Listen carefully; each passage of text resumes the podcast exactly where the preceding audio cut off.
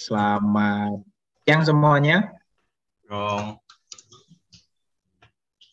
Oke, halo teman-teman. Boleh pakai reaction atau chat ya buat teman-teman yang partisipan. Selamat siang, selamat datang di sesi kelima Festival Demokrasi Ekonomi 2022. Tema sesi kelima ini adalah kooperasi pekerja di Indonesia atau ada beberapa juga yang menggunakan istilah swakelola pekerja. Di tapi sebelum masuk ke detail sesi kelima ini, mohon izin untuk ya me menyampaikan beberapa hal terkait FDI-nya secara lebih umum dan dapat mas secara lebih umum. Perkenalkan nama saya Emsen Lubdika, di sini akan berlaku sebagai MC. Jadi penjelasan tentang FDI 2022 ya. Tahun ini temanya adalah demokrasi di tempat kerja. Jadi FDE ini Festival Demokrasi Ekonomi acara tahunan yang ingin ya tiap tahun menjadi momen untuk kita refleksi, saling cerita perkembangan demokrasi ekonomi di Indonesia. Tahun lalu temanya adalah menyalakan kembali mimpi demokrasi ekonomi. Karena itu memang acara pertama 2021 tahun ini acara kedua kita fokus ke demokrasi di tempat kerja. Nah buat teman-teman yang mungkin belum sempat join tahun lalu kita ada rekaman di YouTube silakan bisa dilihat acara FDI 2022 pun kita rekam semua ya. Jadi siapa tahu ada temannya yang tidak sempat join bisa diinfokan untuk di YouTube nanti ya. Beberapa minggu setelah ini kita proses dulu. FDI 2022 ini terselenggara atas dukungan berbagai pihak dari narasumber, moderator, dan ada beberapa organisasi yang secara khusus mendukung acara ini. Kami ingin menyampaikan terkhusus kepada platform kooperasi digital KODI, ASEAN Solidarity Economic Council, ASEC Indonesia, dan Yayasan Proklamator Bung Hatta yang sudah mendukung acara ini.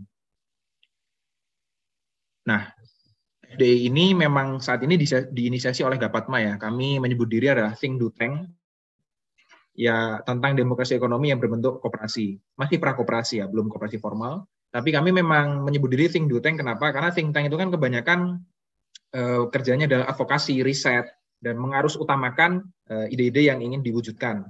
Nah, kami tidak hanya ingin melakukan hal itu, tapi kita juga perlu membangun aksi-aksi. Salah satunya adalah Festival Demokrasi Ekonomi ini, atau ya pilot project kooperasi lainnya. Harapannya tahun depan ini bukan hanya dapat maju yang konsep, tahun depan kita harapannya offline bahkan ya atau hybrid dan pengkonsepannya bisa dilibat, melibatkan teman-teman yang ada di sini. Intinya orang-orang yang concern dengan demokrasi ekonomi. Lalu masuk ke acara hari ini. Uh, sorry, sebelum masuk ke sana, mungkin saya akan brief slido lagi sedikit supaya teman-teman tidak lupa. Sebelum saya serahkan kepada Amelia Tri Puspitasari, Alia, yaitu moderator untuk Eh, sesi kali ini. Lido itu adalah uh, tempat untuk teman-teman menyampaikan pertanyaan. Eh, saya sudah share chatnya, eh sudah share linknya di chat. Bisa dibuka. Nanti yang muncul itu seperti ini. Sebentar ya, loading. Ya. Izin share screen. Jadi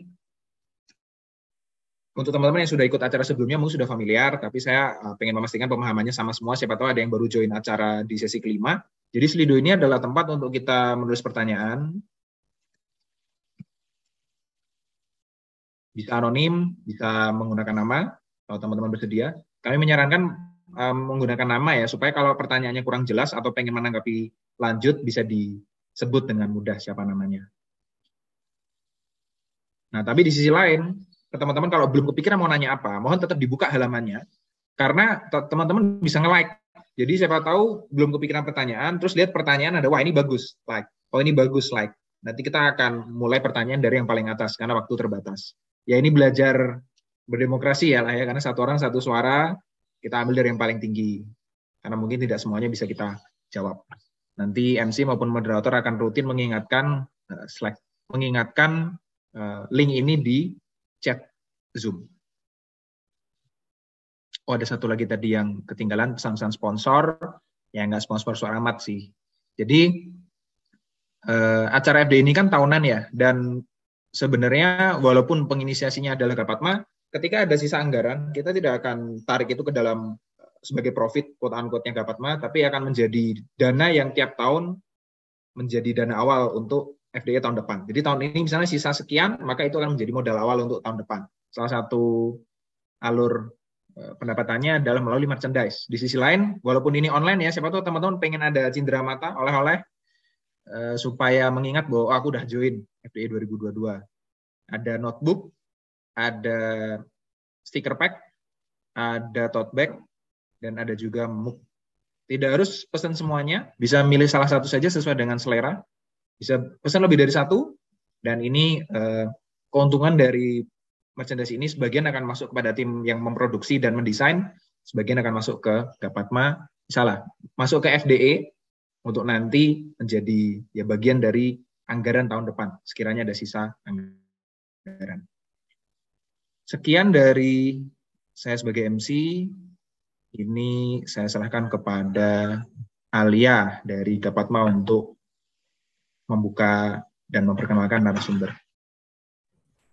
Oke, halo, selamat siang teman-teman semua.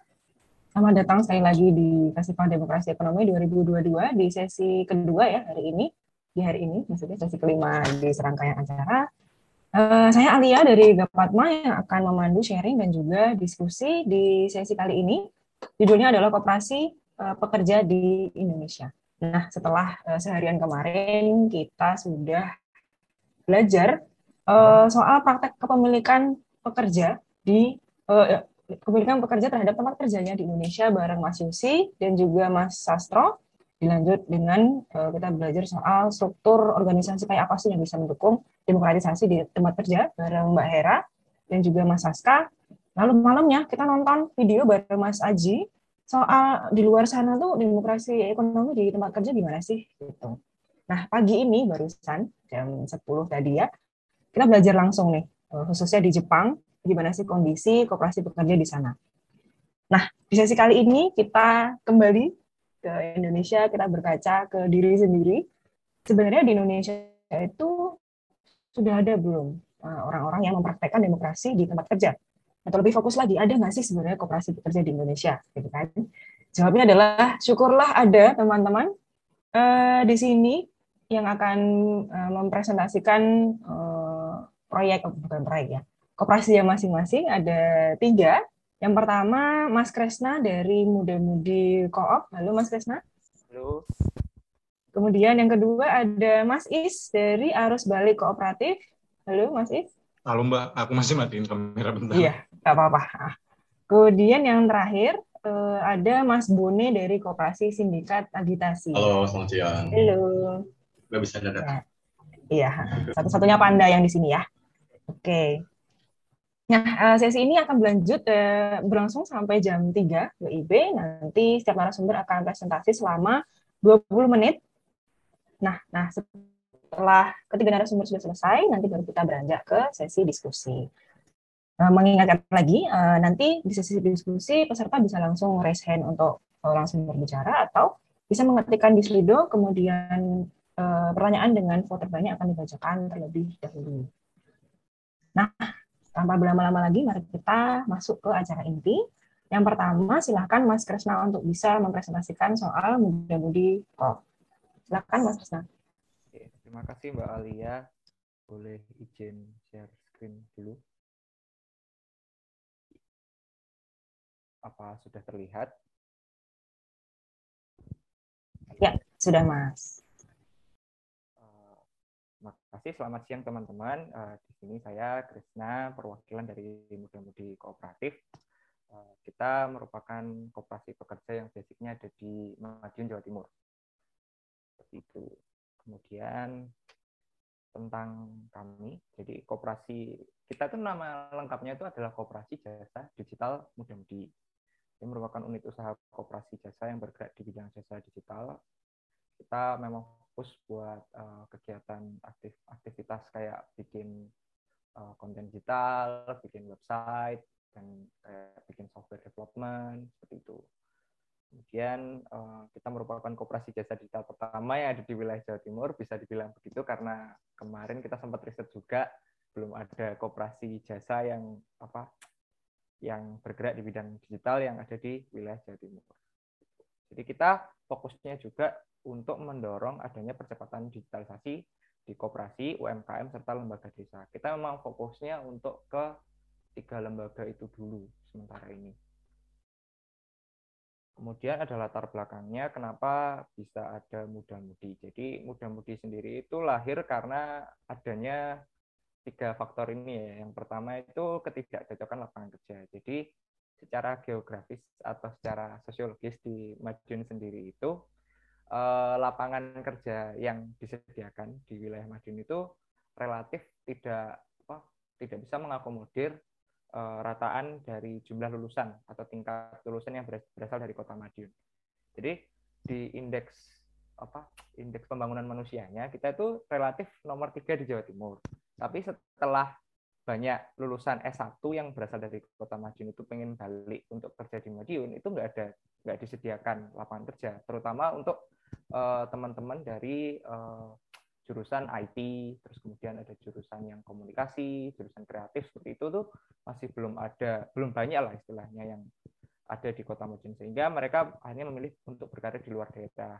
Kemudian ada ekosistem digital yang sedikit di wilayah Kota Madiun ini belum ada ekosistem digital seperti belum banyak startup yang ada di Kota Madiun seperti layaknya di Malang atau di Surabaya atau misalnya di Jakarta atau di Jogja seperti itu. Jadi eh, kita itu akhirnya banyak anak-anak Madiun yang akhirnya diambil di ekosistem yang di kota lain sehingga industrinya pun sendiri sulit berkembang seperti itu.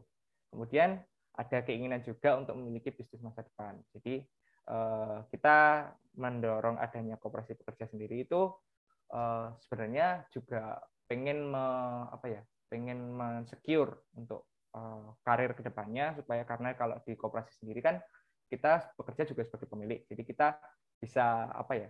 Setidaknya itu punya karir yang stabil di sebuah unit usaha. Karena kalau kita lihat sendiri di industri kreatif contohnya, itu lebih banyak yang seperti yang dikatakan Pak Robi Tulus di sesi pertama di pembukaan itu banyak kegiatan hire and fire kalau di istilahnya di dalam industri kreatif seperti itu.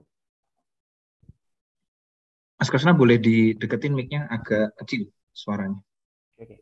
Kemudian untuk muda-mudi ini bergerak di bidang apa aja? Yang pertama kita ada di website development, ada di software development, ada di branding, sama di videografi.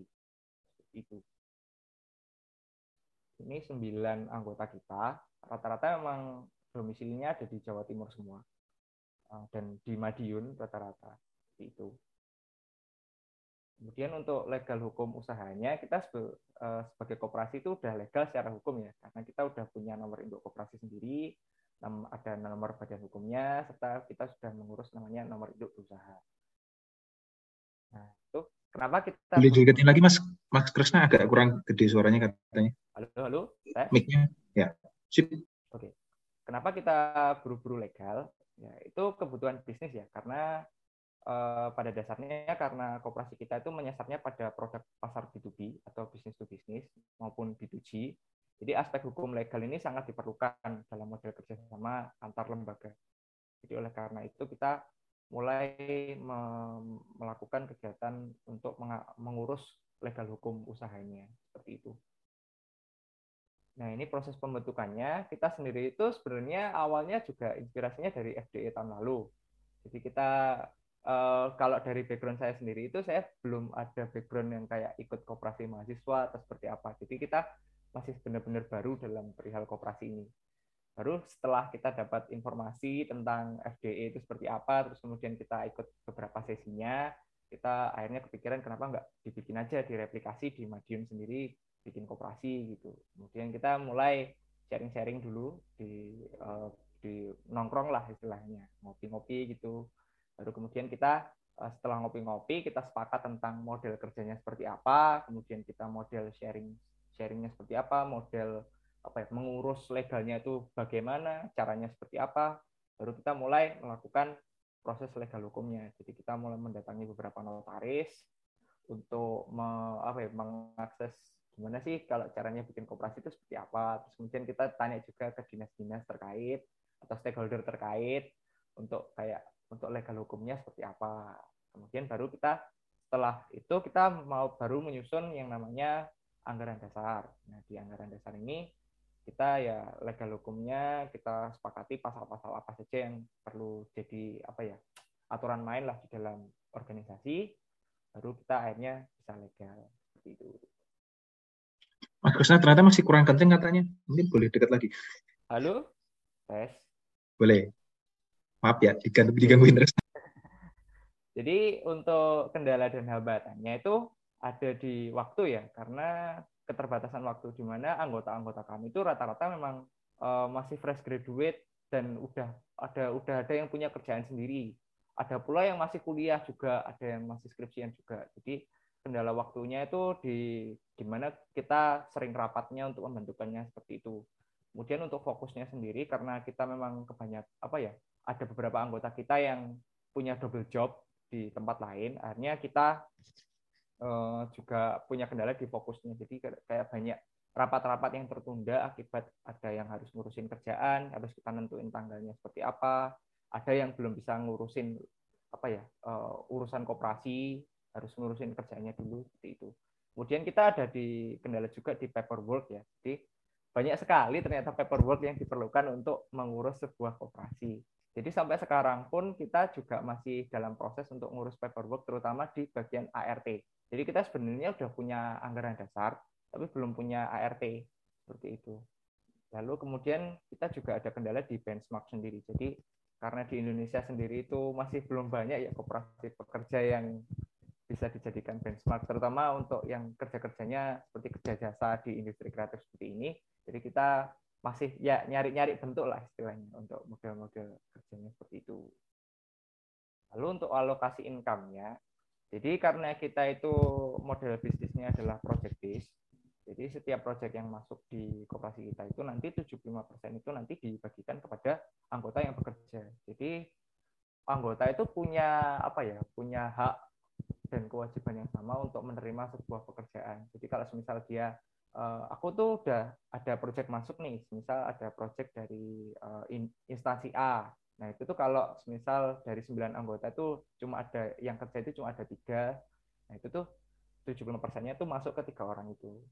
Nah terus masuk ke 25 persennya untuk operasi. Jadi 25 persen dari alokasi income-nya itu. Jadi nanti digunakan untuk operasional administrasi kooperasinya, ada dana cadangan, dana pendidikan, sama untuk zakat dan infak seperti itu. Kemudian untuk dampak yang dirasakan dari para anggotanya sendiri itu sebelumnya karena kita itu rata-rata kita ngerekrutnya itu freelance ya, freelance uh, eh, IT, freelance uh, branding, freelance fotografer seperti itu. Kita tuh ada kendala di kompetisi harga. Jadi karena di industrinya itu nggak ada benchmark kayak harga untuk jasa foto itu sekian, harga untuk jasa website itu sekian. Nah, itu tuh kita banyak yang karena mereka udah bisa nurunin harga sekian, kenapa kita nggak bisa lah? Itu kita bisa menyiasati kompetisi harganya itu dengan bergabung di koperasi kan. Karena di dalam koperasi sendiri itu antar satu anggota dan anggota lain kan karena sama-sama bidangnya nih. Nah, itu tuh bisa sepakat terhadap satu harga tertentu itu ongkos jasanya. Kemudian jam kerjanya fleksibel juga karena anggota bekerja itu bebas menentukan jam kerja serta dia itu mau berkontribusi di proyek yang mana itu. Kemudian ada partisipasinya sendiri, anggota pekerja itu juga dapat berpartisipasi menyuarakan kayak kebutuhannya kalau misal oh aku tuh kalau dalam model koperasi sendiri itu aku eh, keberatan kalau ur, apa kayak eh, iuran wajibnya itu sekian. Nah, itu dia bisa berpartisipasi untuk menyuarakan pendapat dan kebutuhan terkait pengelolaan unit usahanya. Kemudian kita eh, secara legal karena kita udah legal itu kita bisa lebih aja secara usaha. Jadi karena kita secara secara resmi koperasi itu sudah resmi koperasi, jadi itu kita dapat dengan mudah kayak melakukan transaksi dengan lembaga lain, kita paperwork juga sudah bisa melaksanakan seperti itu. Kemudian kita juga mudah untuk mengakses program karena kita juga apa ya menjalin kontak juga sama beberapa stakeholder dinas terkait, kemudian kita juga ada di beberapa komunitas. Itu tuh kita banyak dapat informasinya itu tentang program-program terkait pendanaan, pelatihan, maupun akses-akses kayak uh, jejaring terkait koneksi itu juga kita bisa lebih mudah mengaksesnya. Kemudian ini ada beberapa karya kita yang kita belum sampai setahun sih berdiri sebagai kooperasi, jadi belum belum sempat melakukan RAT. Jadi ini dalam kurun waktu kurang dari setahun kita sudah bisa melaksanakan beberapa portofolio ini. Salah satunya ada di website Disnaker di Kabupaten Madiun. Kemudian ada aplikasi e-wallet yang ini kemarin kita lombakan. Jadi di lomba inovasi teknologi di Kabupaten Madiun juga kita dapat juara satunya. Kemudian ada kita juga sempat kolaborasi juga sama Petrokimia Gresik untuk apa ya bikin corporate annual reportnya seperti itu. Ada video profile di desa di Tawangrejo Magetan juga kita menjalin hubungannya sama lembaga desanya sendiri. Kebetulan Karang Tarunanya sama pemerintah desanya itu welcome untuk ya kita bikin uh, apa ya istilahnya bikin karya kreatif tentang video profil desanya itu kita disupport dari desanya itu buat nambah portofolio lah. Ada aplikasi juga kita juga sekarang lagi ngedevelop sebuah aplikasi berbasis website untuk keperluan apa ya organisasi dan administrasi di koperasi simpan pinjam. Jadi di Jawa Timur sendiri kan Jawa Timur itu kalau berdasarkan data BPS kemarin yang kita lihat itu eh, Jawa Timur itu merupakan eh, daerah dengan koperasi simpan pinjam terbanyak se-Indonesia.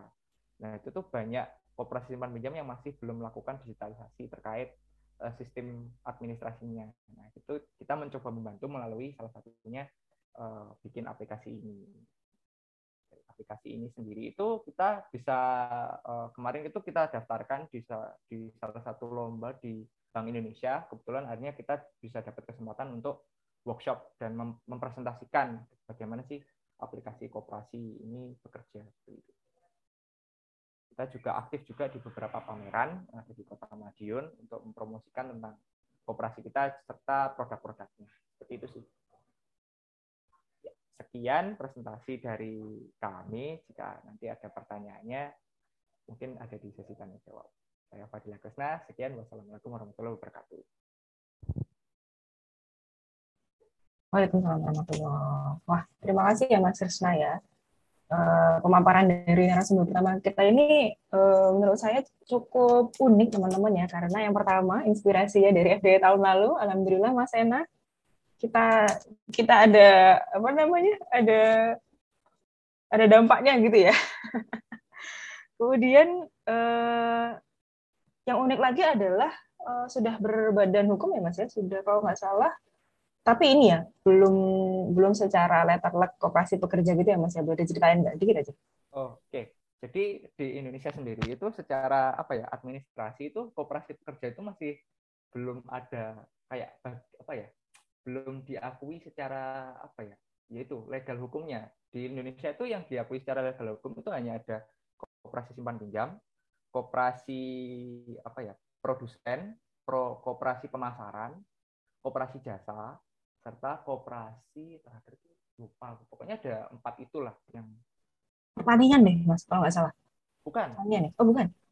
Ada satu lagi tuh. Pemasaran. Pemasaran produsen simpan hmm. pinjam jasa.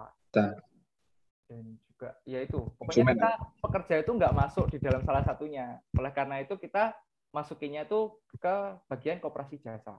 Seperti itu. Data legal hukumnya. Nah itu tuh juga sempat bingung juga karena kita juga sempat ditolak di beberapa notaris ya. Karena beberapa notaris itu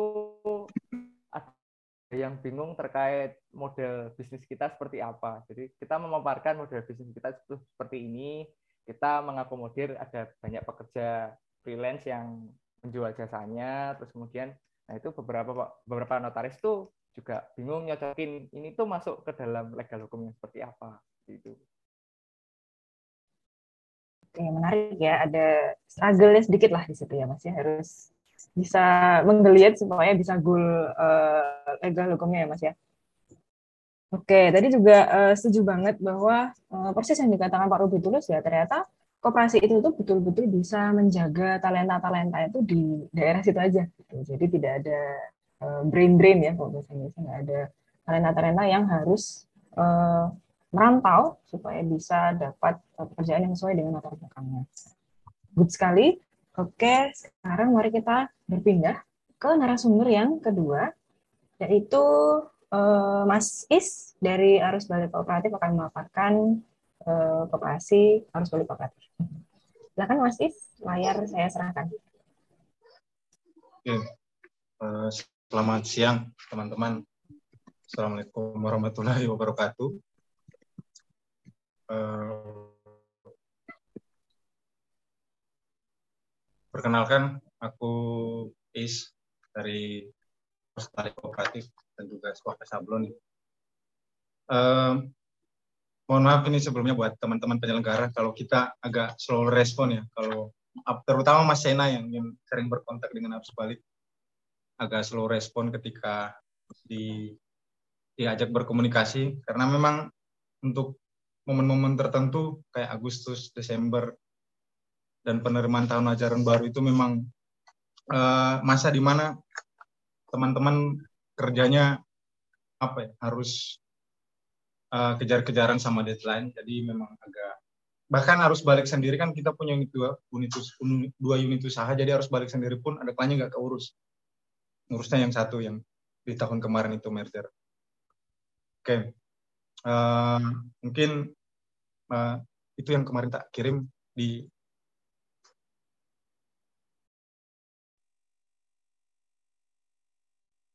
udah di di share ya belum terlihat Mas. Eh, Mas Is mau, yang mau share screen? Aku sendiri ya? Atau tak kira dari boleh Mas Bimo? Oke, okay, tak bantu share. Oke, okay, ya dari kami aja Pak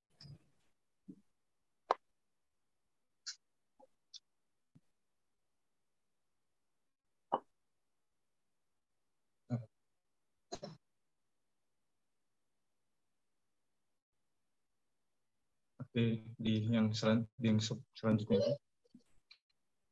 Oke, okay. uh, eh, pada awalnya sebenarnya harus balik. Ini uh, didirikan di tahun 2020 ya. Tahun 2020 waktu itu bulan Agustus memang ini udah ulang tahun yang kedua tanggal 23 nanti.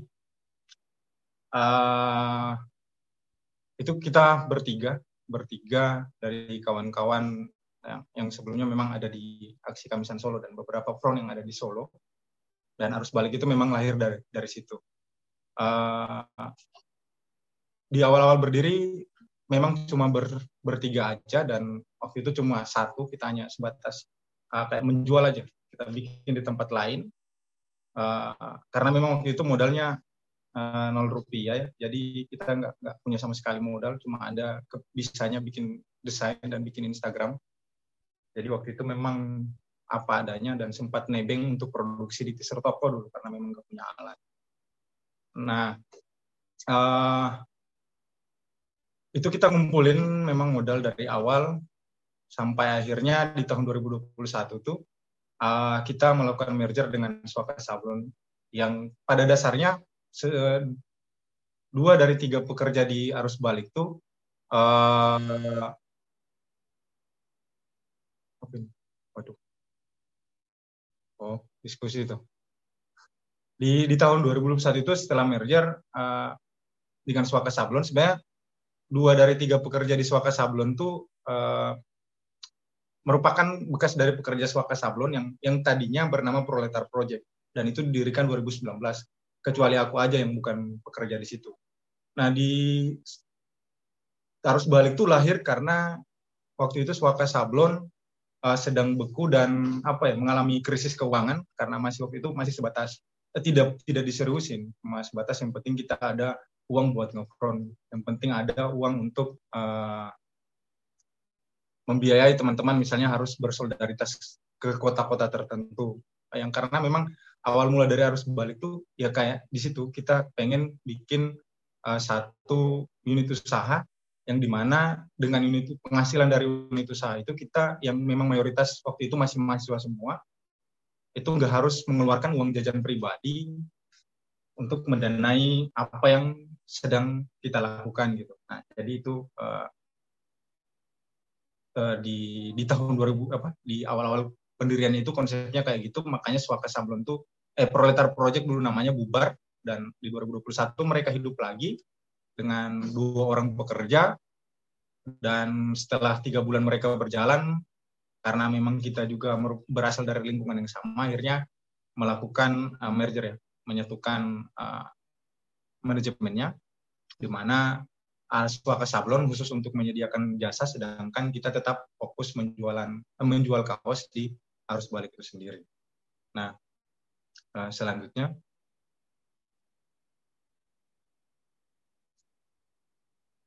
Nah, ini ini yang menjadi sebelum akhirnya kita menemukan bahwa ternyata harus balik itu bisa untuk menghidupi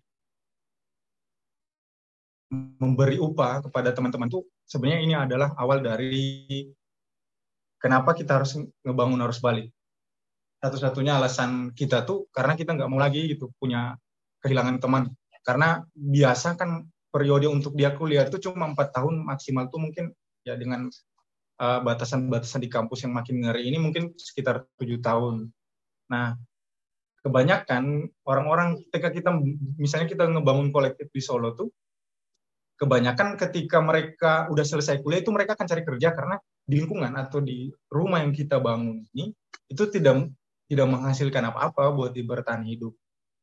Uh, nah itu yang yang sebenarnya awal dari ide kenapa harus muncul unit usaha ini. Nah di semakin ke sini uh, setelah kita ketambahan pekerja, kemudian uh, setelah merger itu ternyata wah kita bisa hidup dari sini kalau ini memang di, dikelola secara profesional. Uh, makanya mulailah kita mulai uh, kayak mulai ada pembukuan, kita mulai catat cash flow dan lain-lain itu belajar sana sini untuk um, masing-masing divisi yang di apa masing-masing kawan yang diberikan tanggung jawab terhadap divisi tertentu misalnya aku sebagai di, di keuangan terus teman-teman yang tadinya memang nggak bisa nyablon juga nah itu dikirim untuk belajar ke beberapa uh, tempat dan salah satunya itu yang ada di Indonesia itu ada sekolah sablon Indonesia. Kalau untuk keuangan itu belajar kebetulan istri memang mengerti soal keuangan dalam perusahaan ya belajarnya dari situ. Nah, di situ kita mulai memang menseriusi dari tadinya cuma sebatas untuk tambahan uang upfront, udah mulai memberi upah dan mendanai semua operasional yang ada di kolektif mendanai mulai dari biaya sewa sekretariat, kemudian biaya kebutuhan rumah tangga yang ada di sekretariat, kemudian upah ke lima pekerjanya.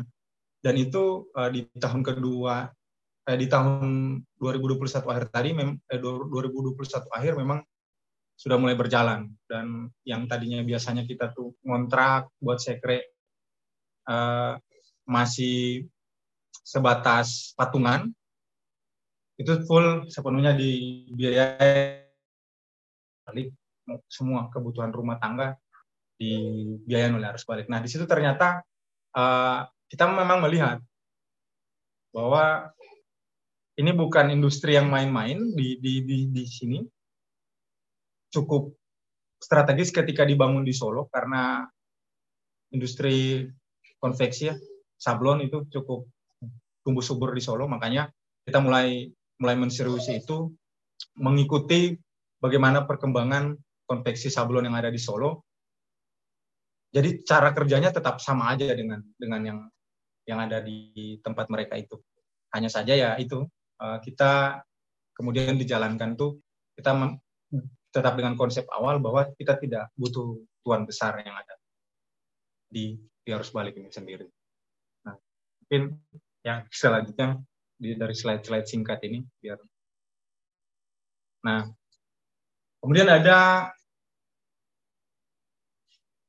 anggapan apa ya mungkin pertanyaan dari teman-teman mungkin udah banyak ya koperasi di Indonesia itu kan udah udah banyak banget entah itu yang ada koperasi ya eh, karyawan dan lain-lain itu pekerja apa yang punya PNS nah sebenarnya kita tuh justru nggak belajar koperasi berdasarkan undang-undang yang ada di Indonesia.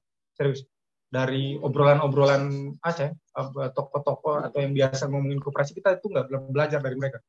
Uh, karena memang uh, terlalu terlalu rumit bagi kita ketika harus belajar dari misalnya harus mengikuti panduan dari koperasi dari pemerintah ya awal-awalnya memang terlalu rumit misalnya ketika sebelum ada undang-undang cipta kerja itu harus 20 yang udah ada undang-undang cipta kerja itu cukup 9 harus modal sekian harus punya anggota sekian itu kita nggak nggak belajar dari situ. Justru kita uh, ya berangkat dari semangat ya pokoknya jangan sampai ada lagi teman yang pergi dari tempat sini karena tempat ini nggak menghasilkan uang.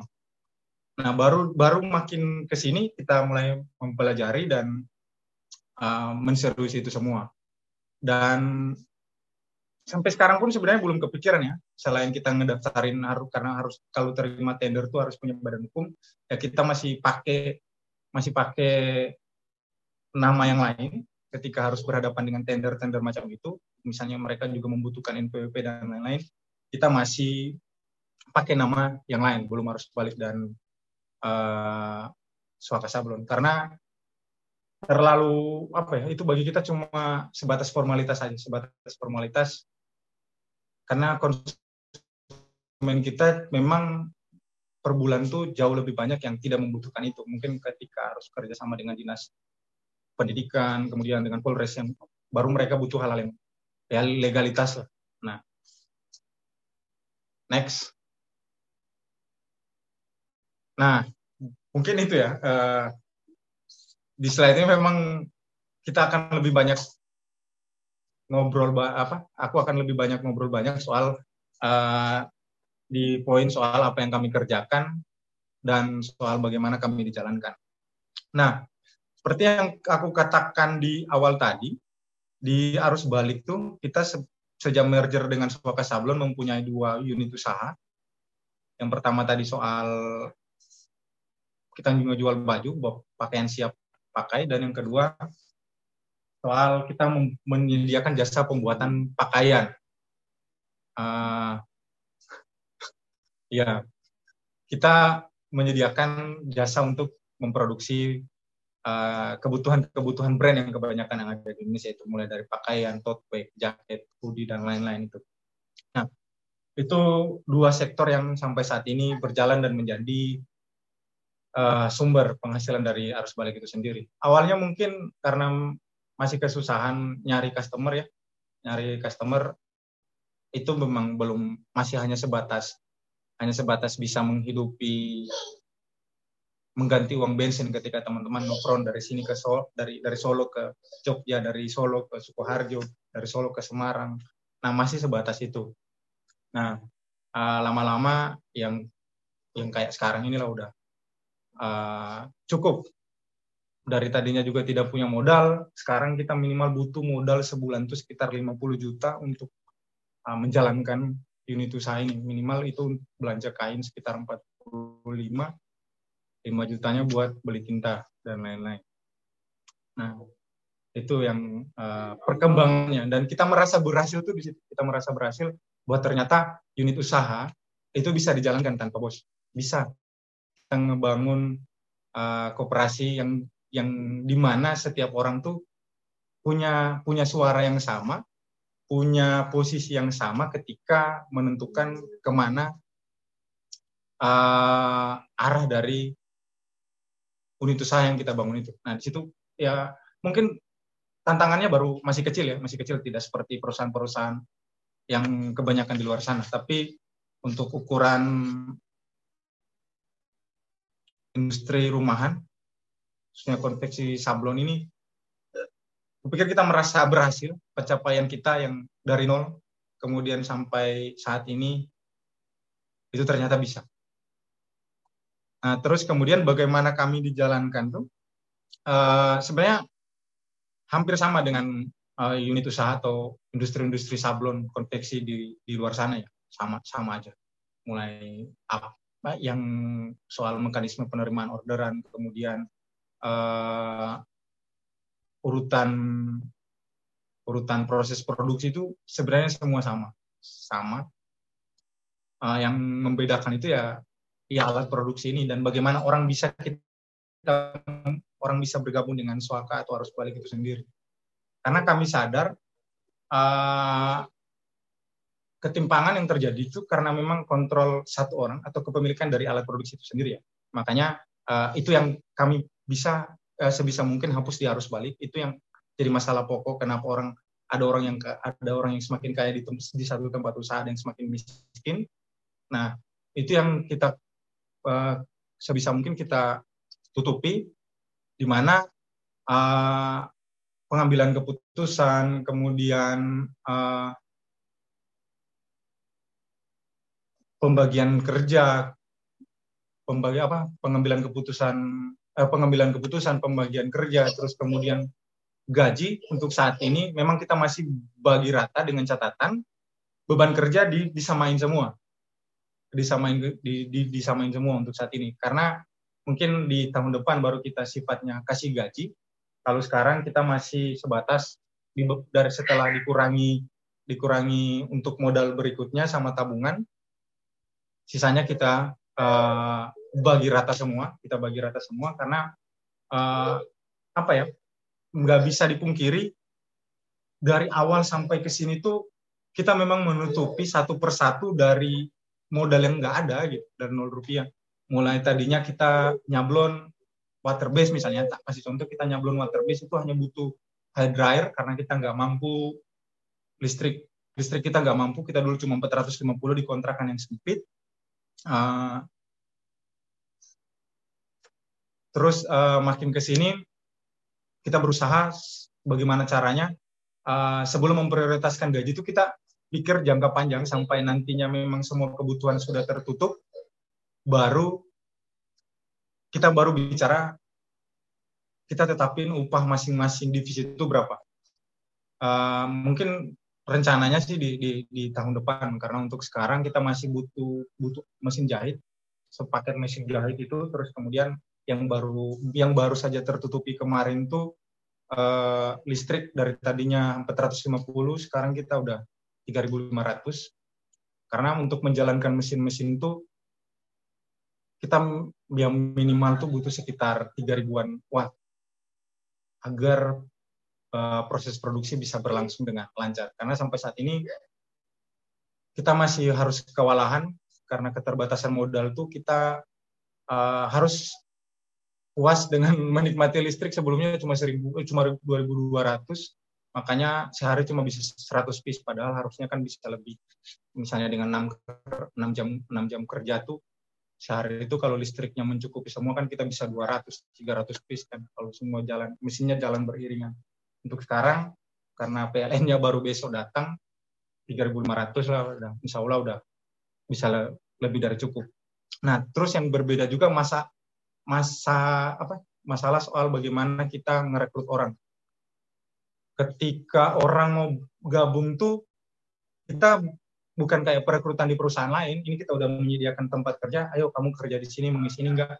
Kamu bisanya apa dan punya modal apa ini kita kurangnya misalnya kita kurangnya di divisi potong. Untuk menjadi seorang divisi mesin potong tuh kamu butuh modal segini. Misalnya untuk beli mesin potong dua juta setengah kamu bisa beli itu. Um, kalau bisa menyediakan ini ayo sekarang. Nah cuma ketika kalau dia nggak punya uang kita bantu.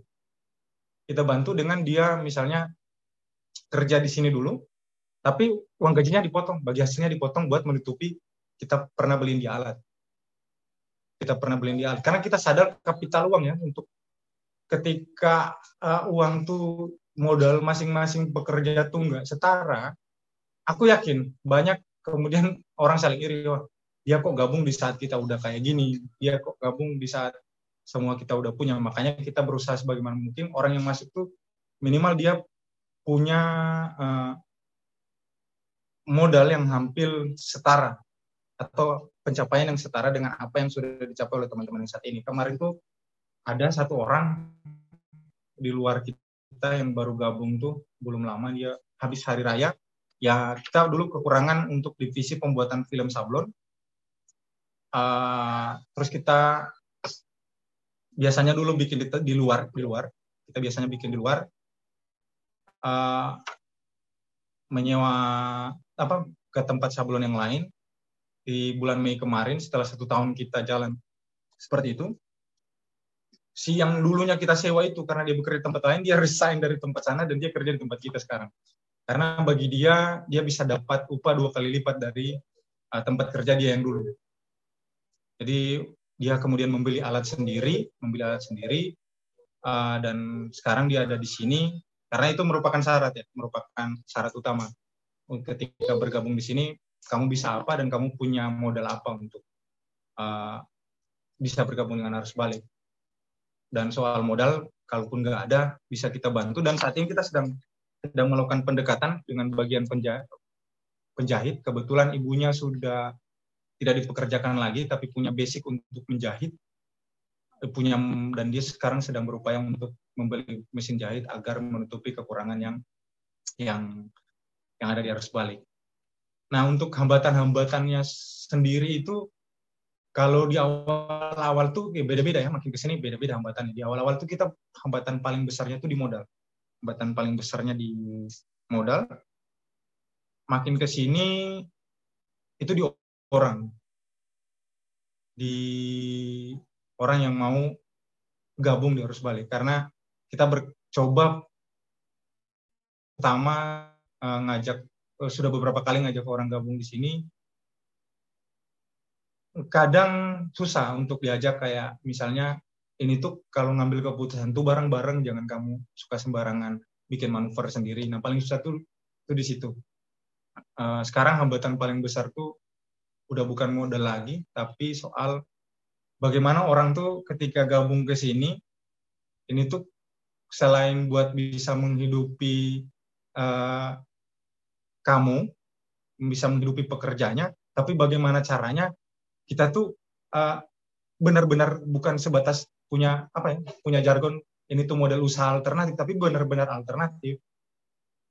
Ketika misalnya kamu merasa bahwa kamu memiliki ini bisa mer apa merasa spesial di sini, nah itu udah udah otomatis kamu bukan orang harus balik lagi, mending keluar daripada uh, lingkungannya jadi terganggu.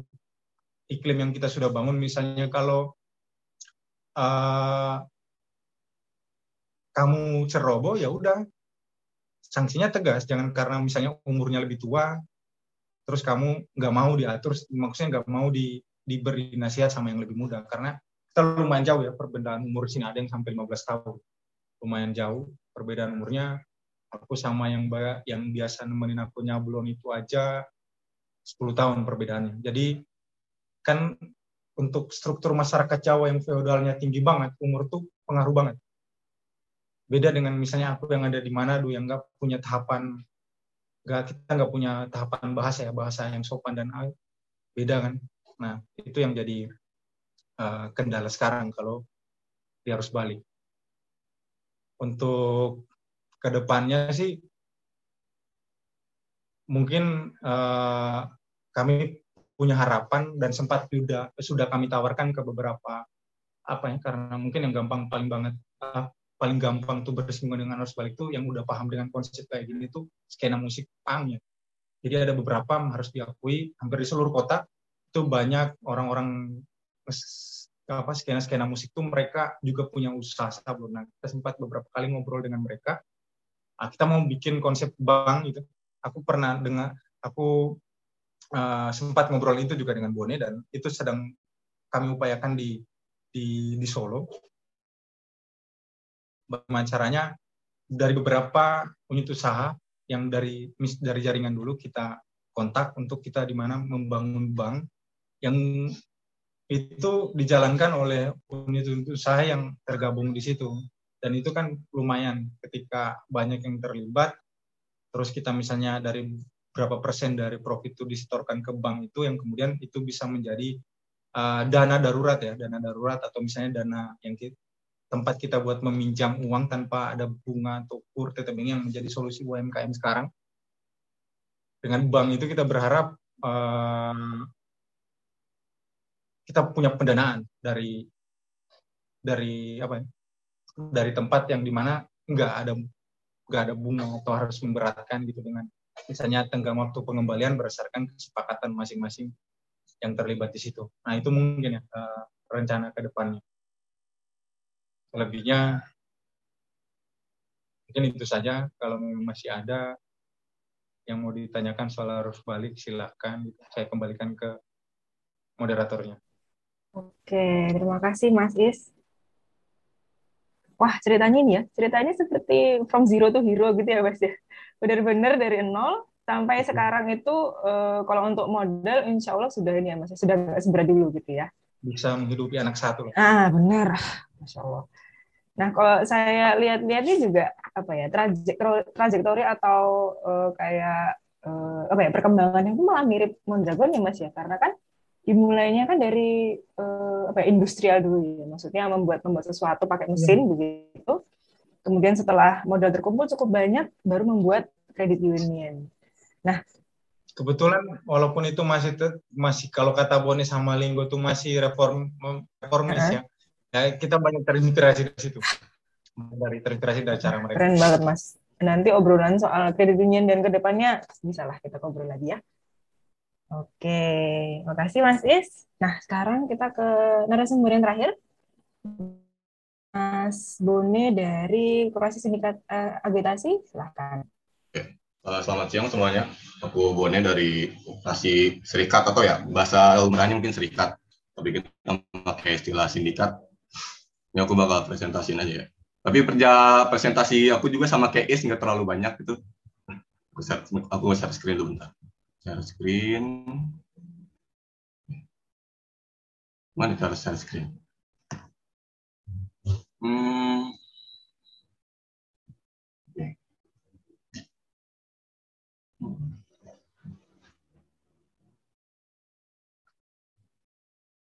Hmm, aku mulai ya. Uh, jadi ini mungkin aku bakal lebih ngejelasin soal ini masa perkembangan agitasi ya dari awal sampai dari 2019 sampai sekarang 2022 perkembangannya. Jadi dimulai itu agitasi hari ini, eh sebentar. Supaya nggak full banget gimana ya? Uh,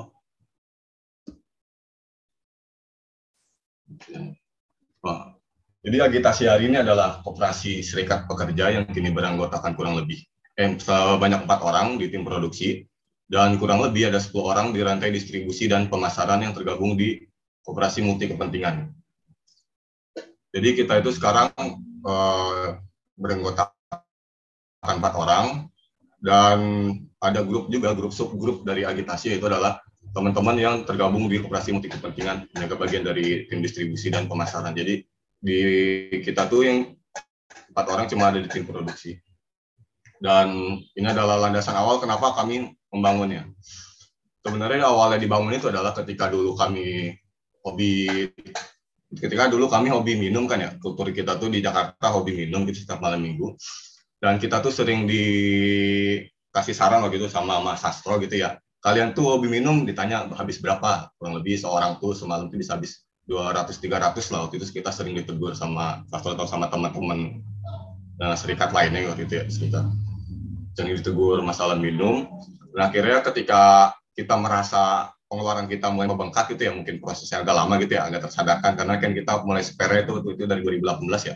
Kita tahu Mondragon juga waktu itu dari 2018 setelah Global Land Forum waktu itu ada teman kita di Bandung ketemu orang basket waktu itu di, mereka menceritakan soal operasi Mondragon gitu ya. Dan akhirnya di 2018 akhir uh, kita screening film Mondragon waktu itu pembicaranya Sastro dan barang-barang dan akhirnya di 2019 kita pun mulai terpantik akhirnya ya, membangun koperasi agitasi waktu awal belum serikat ya koperasi kita waktu itu dibentuk skala kecil di rumah kontrakan tongkrongan teman-teman oleh empat orang untuk mencoba membangun mekanisme kontrol atas basis konsumsi di radius jaringan komunitas atau kolektif atas minuman beralkohol.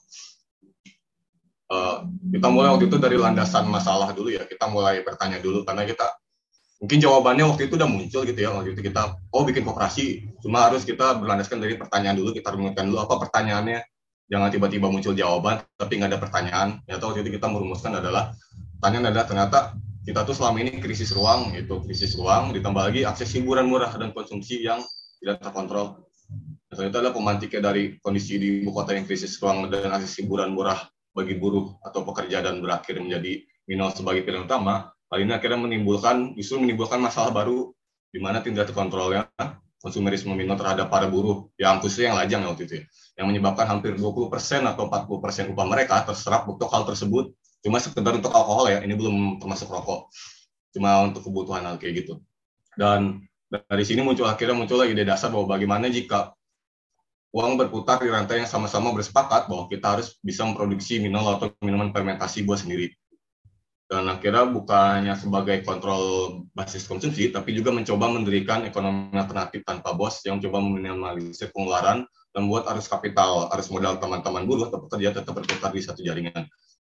Jadi kita tuh waktu itu melihat ya, kita punya semangat ya waktu itu semangat kita kita sering lah memunculkan jargon-jargon waktu itu anti kapitalisme kayak gitu ya kurang lebih anti kapitalisme. Tapi di satu sisi kita tuh masih menjadi bagian spektrum dari masyarakat kapitalisme di mana kita tetap dikontrol secara konsumerisme Nah, akhirnya kita melihat ternyata masalah awal sebelum melangkah yang lebih jauh mungkin step-step selanjutnya, ya, syarat pertama adalah kita harus coba mengontrol basis konsumsi kita dulu dari teman-teman atau sejaringan, terutama yang waktu itu kita lihat adalah basis konsumsi atas kontrol dari minuman beralkohol. Nah, kira mungkin yang kemarin di diskusi kemarin di bilang sasar adalah kita mencoba memimpin masalah konsumsi bersama-sama.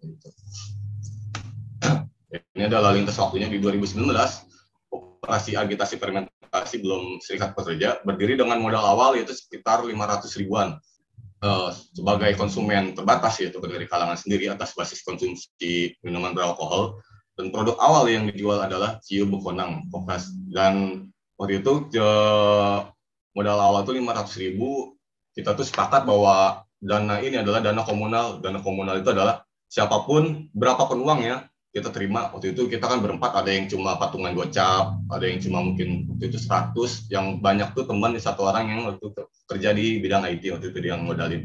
Lebih banyak. Jadi kita sepakat berapapun modalnya kita komunalkan jadi satu tapi ketika misalnya suatu waktu dia kerjanya lebih sedikit ya dia dapat upah lebih sedikit bukan karena upahnya bukan karena modal lebih banyak. Dan ketika dia misalnya dicabut upah uang yang telah dikomunalkan tidak bisa ditarik kembali. Jadi itu jadi kooperasi dan waktu itu kenapa awal-awal kita jual Cibukonang waktu itu aku kebetulan lagi ke Solo kan kebetulan lagi ke Solo lagi uh, keliling sama temanku lah ke ibu-ibu kerja rumahan waktu itu. Dan kebetulan teman-teman waktu itu ngabarin lu kan lagi di Solo gimana kalau kita coba aja bikin kooperasi dari Ciu Ciubukonang dulu? Dan kebetulan waktu itu temanku punya seniman ciu ya. Dan aku pun dari situ baru ternyata ya ternyata di Ciu Bukonang itu ada dua sub ada satu ciu pabrikan dan ciu yang dikerjakan oleh satu orang itu seniman mungkin dibilang aku bilang seniman ya. Karena di situ aku melihat perbedaan ketika waktu itu aku kita kawan-kawan awal-awal jual ciu. Ciu yang dibentuk oleh perorangan atau seniman rasanya sangat beda jauh dengan yang pabrikan. Warnanya mungkin kalau yang bisa kita lihat itu misalnya kenal ciu warnanya agak keruh dan tidak menarik lah dilihat kayak gitu. Waktu itu kita jual ciunya bener-bener mirip aqua warna putih bening lah waktu itu nyobain kita jual. Dan pada saat kita jual waktu itu sebenarnya secara profitable sangat untung waktu itu ya kita jual dari 500 ribu nggak akhirnya setelah tujuh bulan berjalan kurang lebih tujuh bulan itu ya waktu itu ya kita bisa lompatan hampir seharga motor Beat baru sekitar 15 juta waktu itu. Dan tapi sial ya ternyata koperasi kita tetap bubar waktu itu dibubarkan tidak bertahan selama tujuh bulan. Salah satu. Dan nanti penjelasan kenapa bubarnya dijelaskan selanjutnya selanjutnya Nah, tapi ketika anggota dibubarkan, status koperasi tetap ada karena kita sepakat bahwa koperasi itu adalah badan tersendiri atau manusia tersendiri, terpisah dari anggotanya. Dan ketika anggotanya beberapa tumbang, gitu terpencar, ketika tiba-tiba ada satu orang yang melanjutkan, itu bisa dilanjutkan silakan koperasinya dan dia berhak, tapi dengan catatan harus mencari anggota baru. Karena misal koperasi cuma satu orang, ya sama aja itu di kepemilikan pribadi. Dan di timeline waktu 2020 ke 2021 gitu, Akhirnya kooperasi agitasi dilanjutkan dengan satu titik kita menemukan satu anggota baru yaitu mantan bartender dan satu anggota sebelumnya. Dengan sisa uang yang waktu itu ada di kas, akhirnya kita mulai menjual produk berbeda yaitu kita nyoba jual koktail gitu. Tapi balik lagi ternyata cuma bertahan 3-4 bulan karena tiba-tiba ada pandemi COVID-19 yang akhirnya kita kembali hiatus. Dan di tengah masa pandemi awal 2021, uh, operasi aktif kembali itu ya di, di awal 2001 menggunakan alat produksi yang lebih lengkap waktu itu di awal 2021 akhirnya aku memutuskan untuk memulai lagi sendiri mulai lagi sendiri di awal 2021 tapi di sepanjang spare waktu itu dari 2021 dari 2022 ke 2021 waktu itu aku sambil jalan juga mencari anggota lain sambil jalan mencari anggota lain hingga akhirnya waktu itu ketemu lah di di teman-teman dari dari teman-teman pecinta kucing waktu itu ketemu sekitar dua orang akhirnya kita nongkrong mulailah selama spare waktu itu kita aku mendekati mereka dan mulai di 2021 mulai kembali praktik fermentasi dengan alat produksi yang lebih proper waktu itu dan juga membuat liquor lemon serta mencoba memasarkan dengan terbatas ke kalangan sendiri dan mendapat respon baik waktu itu dan mencoba beberapa kali pasar terbuka untuk mendapatkan penilaian lebih objektif. Nah, di sepanjang spare 2020 sampai 2021 awal ini, uh, aku melakukan beberapa hal waktu itu ya. Selain satu, salah satunya adalah di situ aku melakukan analisis kegagalan koperasi kenapa bisa gagal sampai dua kali dalam waktu kurang lebih nggak sampai dua tahun. Ternyata di 2019 aku menganalisis kegagalannya adalah kita membuat koperasi, tapi di satu sisi kita tidak belajar apa-apa. Kenapa kita tidak belajar apa-apa adalah karena kita tidak menciptakan produk kita sendiri, kita cuma jatuhannya adalah kita sebagai tangkulak yang membeli cheese skala besar di waktu itu Konang gitu ya mengambil dikirim ke Jakarta cuma di repackaging dan tinggal memasarkan. Satu sisi itu ya dan satu lagi adalah secara ideologis secara pengetahuan kita belum setara masih ada yang ketimpang waktu itu. Mungkin ada beberapa yang udah mengerti beberapa hal ya cuma ketika pengetahuan tidak didistribusikan itu menjadi masalah. Ketika manajemen dianggap kerjanya lebih ringan yang packaging dianggap lebih berat, yang ngambil barang ketemuan dengan suppliernya, ya dianggap dan upahnya lebih banyak, merasa lebih capek, menjadi masalah. Dan, dan ketika masalah itu muncul, akhirnya ketika sepanjang 2020 aku menemukan anggota, di 2020 sampai 2021 sekitar bulan Juli pertengahan, ketika aku mendekati beberapa teman buat menjadi calon anggota ya, akhirnya kita membuatlah sepakat, kita membuat serikat, tapi kita serikatnya adalah serikat tongkrongan waktu itu. Kita membangun serikat tongkrongan, uh, dari serikat tongkrongan selama pandemi kita membuat beberapa prom waktu itu dari kayak dapur umum dan lain-lain. Dan aku lihat di sini tuh ada kecenderungan memang sama masalahnya juga adalah masalah alkohol juga. Dan akhirnya ada beberapa orang yang tertarik dengan koperasi ya waktu itu kan aku mulai masih suka bawa produk ya, suka bikin, menawarkan ke mereka. Dan akhirnya mereka tertarik gimana cara buatnya. Dan akhirnya waktu itu, oke okay, nanti kita dulu belajar buat, tapi buat tahapan kayak gini sepakat gak kita harus belajar dulu nggak kira waktu itu selama timeline waktu di 2020 sampai spare 2021 ketik ke beberapa anggota yang nanti bergabung gitu ya kita mulai tuh belajar macam-macam hal di 2021 DP 2021 dan lain dan yang lainnya adalah selama panjang spare waktu senyap itu aku akhirnya melakukan riset karena setelah karena kan pada akhirnya aku aku memutuskan waktu itu oh coba deh gue buka bikin produk sendiri aja yaitu itu kita waktu itu bikin wine dan liker. Kira aku riset secara keilmuan, nyari-cari cara lah. Sekarang kan udah canggih zaman ya. Nyari di internet, nggak kira ketemu satu channel orang Italia gitu. Dan dekat lewat Instagram, dan kenalan, tanya-tanya resep, diajarin sama dia gitu. Nah, selanjutnya adalah kita aku mulai melakukan pendalaman penggali pengetahuan soal koperasi, serikat pekerja dan contoh koperasi lain yang sudah berdiri di beberapa tempat. Contohnya mungkin aku belajar juga dari kayak komunal kopi, dari teman-teman di Raw Studio gitu. Dan belajar juga dari teman-teman yang sekarang berdiri meskipun belajar ya kayak teman-teman sekarang berdiri koperasi kayak di Asta Tobacco dan yang lainnya yang sekarang masih bertahan ya. Dan di spare waktu 2000 dua pertengahan 2021 akhirnya koperasi sedikit tingkat agitasi menambah sepakat menambah tiga orang anggota dari serikat yang dibangun serikat tongkrongan yang tadi dibangun. Dan mereka tidak langsung tapi dengan catatan mereka tidak langsung menjadi anggota resmi di koperasi kenapa tidak langsung menjadi kantor resmi? Selain tadi proses belajar harus selesai dulu.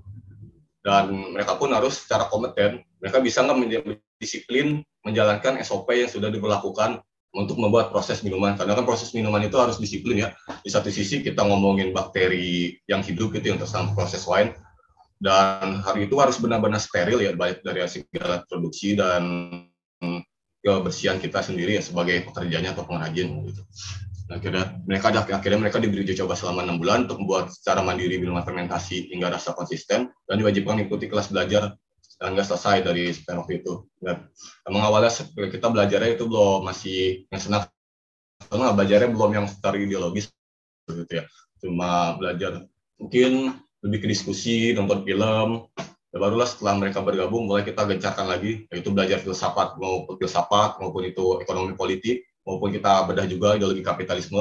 Karena menurut tapi kenapa kita harus mendalami juga kapitalisme? Karena menjadi kapitalisme itu pun tidak mudah. Dan ketika kamu anti kapitalisme, kita tidak bisa anti kapitalisme sementara kita tidak mengetahui apa yang kita kita akan bikin antitesis atau untuk mencoba melawannya kayak gitu. Dan juga kami pun belajar ideologi lainnya yang diadopsi dengan sebagai landasan dasar ideologi koperasi serikat pekerja agitasi itu sendiri. Dan di sini ketika kami sudah berempat dan setelah spare waktu enam bulan mereka terbergabung, akhirnya kami pun membagi beberapa divisi kerja, yaitu adalah satu, semua anggota adalah di produksi, Nomor dua yaitu pemimpin koperasi kita gantikan setiap tiga bulan.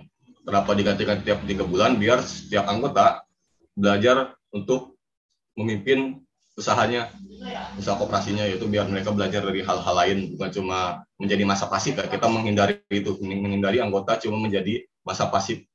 Dan selanjutnya adalah kita memilih satu orang anggota menjadi dewan pekerja. Dewan pekerja ini adalah bertugas negosiasi harga dengan konsumen atau jaringan pemasaran. Waktu itu kita udah mulai bangun jaringan juga ya beberapa pemasaran.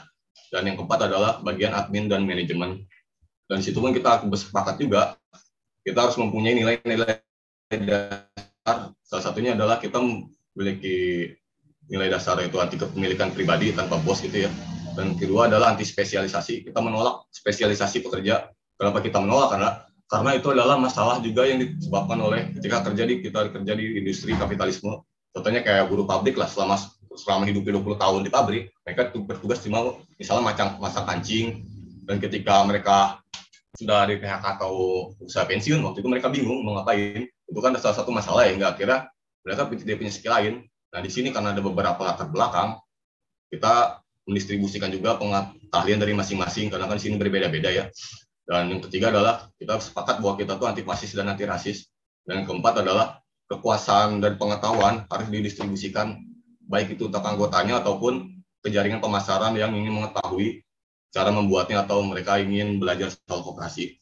Nah, kenapa kekuasaan dan pengetahuan harus di sesuai pengetahuan harus didistribusikan? Karena ini adalah masalah juga beberapa teman kita atau beberapa orang yang menguasai keilmuan itu soal koperasi atau apa pun itu, mereka mengklaim dirinya sebagai pakar dan di satu sisi mereka ingin sesuatu berubah di sini ya khususnya entah itu membangun kooperasi atau apa pun tapi di satu sisi mereka terus mengakumulasi pengetahuan di otak kepalanya sendiri tidak didistribusikan menurutku agak aneh ya ketika ada beberapa yang mencak-mencak ih dia tidak produktif banget sih.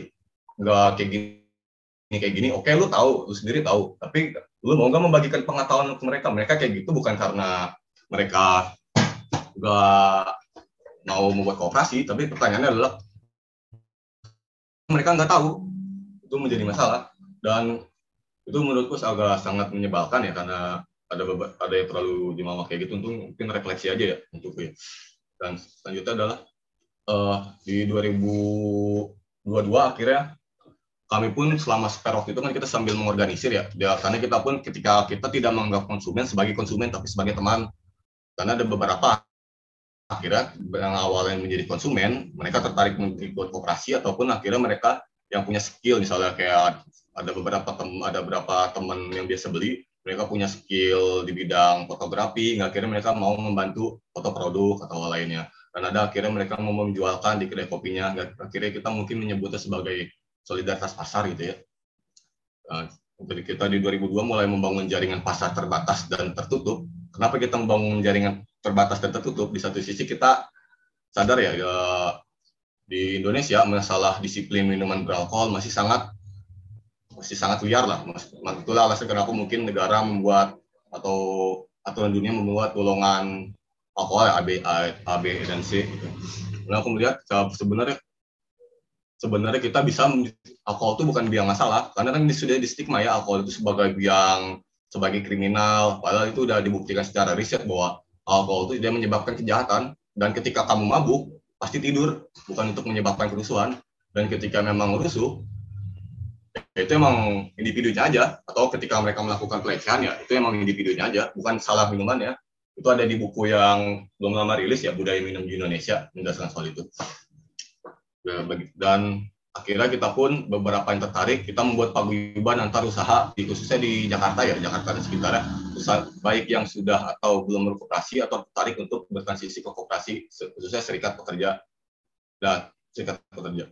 Dan akhirnya setelah memulai mendirikan serikat dan di saat yang lainnya adalah khusus di jaringan sel agitasi di sekitar kita gitu ya kan kalau agitasi itu itu penjelasin di agitasi itu jadi kita tuh ada empat orang dan produksinya itu dipecah menjadi empat rumah. Jadi terdesentralisasi tidak satu rumah gitu produksi.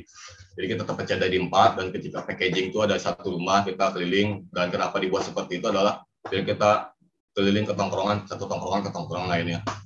Dan setelah itu ketika teman-teman mulai merasa kita sudah stabil gitu ya dan ada beberapa teman-teman yang mulai tertarik belajar akhirnya kita mulai naikkan lagi setelah syarat-syarat syarat-syarat untuk next step selanjutnya terpenuhi akhirnya kita mulai mendirikan serikat tanah komunal di wilayah otonom serikat agitasi sejak Mei sejak Mei untuk bank bersama dengan iuran minimal itu satu persen upah atau pendapatan bulanan untuk menyokong individu atau kelompok lain dalam masalah permodalan. Dan dan sekarang adalah kami pun membuat cabang dari membuat cabang ya, membuat juga serikat mirip arus balik lah. Tapi modalnya adalah sementara dari pinjamkan dari modal dari akumulasi kapital koperasi serikat agitasi koperasi serikat lainnya yang baru dibentuk secara utuh yaitu lokomosi yang berfokus ke usaha konveksi mirip sama arus balik. Kita beberapa anak-anak sih terinspirasi dari arus balik juga sama bisa toko. Cuma ini baru mulai tahun ini setelah dari rencananya dari 2019 akhir ya. Dan dan selanjutnya adalah yang sekarang yang kita bangun adalah kemarin minta tolong ke teman-teman di Raw Studio untuk membuat website ya. Kita mulai proses mendesain website untuk distribusi tulisan dan marketplace kepemilikan bersama untuk berjualan produk koperasi di ABC Kontrol Pekerja. Kenapa kami mulai mencoba membuat marketplace ya? Uh, di satu sisi untuk me menghindari mungkin bukan menghindari ya, mungkin meminimalisir berjualan di marketplace Tokopedia atau lainnya yang nilai pajaknya begitu besar gitu ya potongannya.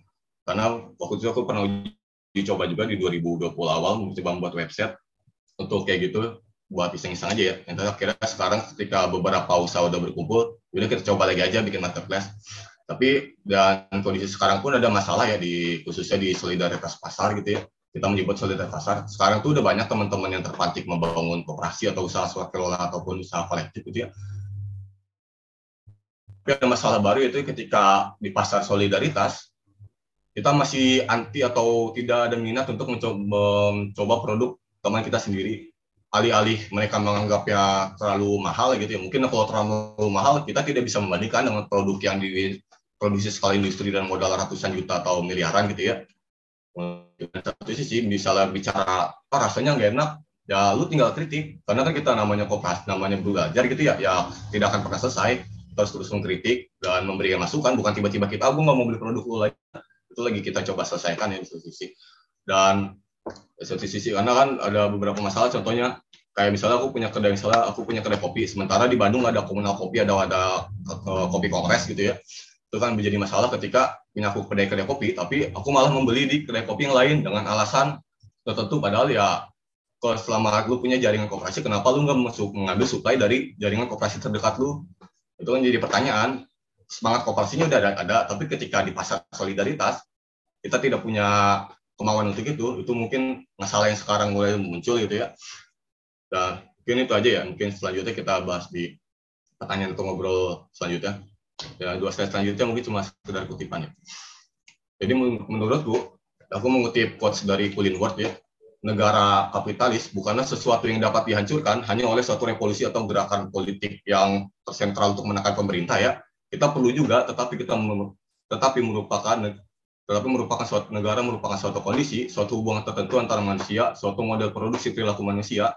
Kita hanya kita dapat menghancurkan dengan membuat suatu hubungan sosial dengan perilaku yang berbeda. Jadi menurut Colin Ward atau menurutku juga uh, dimulai adalah bukan cuma sekedar misalnya ada teman-teman yang bergerak secara parlemen atau menekan hukum untuk operasi berpihak pada rakyat. Enggak bukan sekedar itu. Ketika ada yang mungkin jebol gitu ya kita berhasil membuat aturan kooperasi untuk rakyat. Pertanyaannya adalah ketika kaki-kakinya belum siap atau masyarakatnya belum terbangun atau belum lepas dari corak hidup masyarakat kapitalisme ya itu akan menjadi sia-sia. Akan bukan menjadi sia-sia akan menjadi hal yang lebih sulit lebih berat lagi. Lebih baik menurutku sih lebih baik kita membangun dari bawah dulu membangun perkuat di bawah sambil berusaha menekan sedikit demi sedikit untuk itu secara hukum atau dan lain ya. Kalau aku sih pikir kayak gitu ya, mungkin yang lain bisa tanggapan yang berbeda.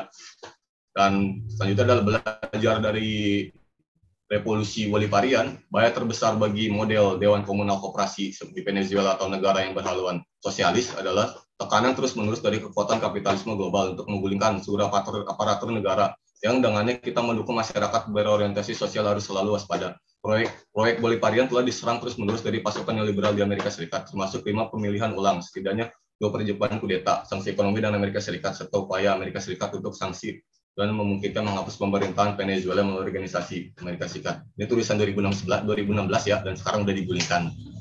Mungkin itu aja sih. uh, oh ya yang buat intermezzo sedikit buat yang belum tahu belum tahu Venezuela revolusi Bolivarian itu didukung oleh ribuan koperasi pekerja oleh masyarakat. Jadi bukan berpikir tiba-tiba kudeta secara politik doang ya di revolusi Bolivarian, tapi mereka didukung oleh kaki-kaki dari serikat pekerja, serikat koperasi pekerja di masyarakat masyarakat masyarakat, baik itu yang di kota maupun yang di pinggiran kota. Itu aja mungkin. Terima kasih.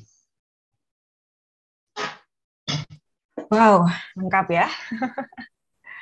Kalau dari uh, agitasi sendiri, uh, ini ya kelihatan didikannya Mas Sastro ya kayak ini ya. Karena Mas Sastro ya. kemarin itu kan ngomongnya uh, ini ya, selain manajemen dan produksi itu juga uh, harus dilakukan, ideologinya jangan sampai lupa gitu kan ya, supaya nggak jadi sell out gitu ya. Sell out bahasa Indonesia-nya apa ya? Supaya nggak hmm. jadi inilah nggak nggak hilang arah gitu ya. Iya, walaupun okay. kita tetap bisa beririsan sama yang ideologinya berseberangan ya, tapi yang kemarin kayak dijelasin Mas apa, hmm, kita harus sektarian juga, kita harus punya hmm. garis demokrasi, harus punya keberpihakan kelas. Oke, okay, setuju. Nah, oke, okay, uh, eh, tidak perlu berlama lama lagi, teman-teman. Mari kita buka diskusinya.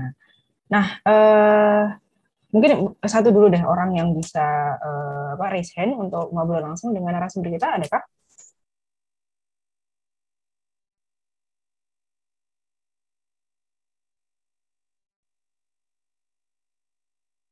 Tidak ada sepertinya. Baiklah, kalau begitu kita langsung ke Slido ya kalau gitu ya. Mas Bimo bisa di ini nggak? Bisa di search deh Slidonya? Oh ya, dari apa aja ya? Bentar. Oh, Oke. Aku lihat pertanyaannya udah lumayan banyak nih. Ramai. Oke, mulai dari pertanyaannya Mas Sena dulu ya. Ini aku bacain aja. Dalam proses pendirian kooperasi pekerja eh, kawan-kawan kita di sini, dukungan apa yang sebenarnya diharapkan ada? Apakah itu modal, manajemen kah, atau legal, atau ada yang lain? Silahkan mungkin dari Mas Kesha dulu bisa menjawab. Oke, uh, kalau dari saya sendiri, dari muda-mudi sendiri itu dalam proses pembentukannya itu kita lebih banyak berkutat di masalah yang paling lama untuk didiskusikan adalah masalah kesepakatan gimana cara kerjanya. Karena setelah kita menyepakati misal oh baik kita bikinnya koperasi tapi di dalam koperasi itu sendiri kan pasti ada strukturnya sendiri. Nah, dalam struktur itu sendiri kan nanti akan uh, bisa jadi akan mempengaruhi tentang bagaimana income dari misalnya ada project A terus kemudian ternyata di dalam strukturnya itu kan pasti kalau di dalam struktur biasa ya di punya kita tuh kita punya struktur fungsional sama struktur uh, fungsional dan struktur struktural jadi ada yang namanya ketua tapi dia ngerangkap jadi misal di graphic design. Nah, itu kan harusnya jabatan ketua atau jabatan-jabatan struktural seperti ketua bendahara dan segala macam itu kan sebenarnya apa ya uh, tidak berpengaruh signifikan terhadap proses kerja di dalam uh, apa ya mengerjakan proyek sebuah proyek. Nah itu tuh perlu didiskusikan sih karena kita lebih lama di pembahasan itu. Jadi tentang bagaimana pemahaman sistem kerja koperasi itu menurut saya lebih butuh dukungan sih. Entah itu kita butuh dukungan jaringan atau kita butuh dukungan bagaimana cara apa ya mensosialisasikan model-model kerja kooperasinya sendiri ke teman-teman itu juga. Kayak gitu sih.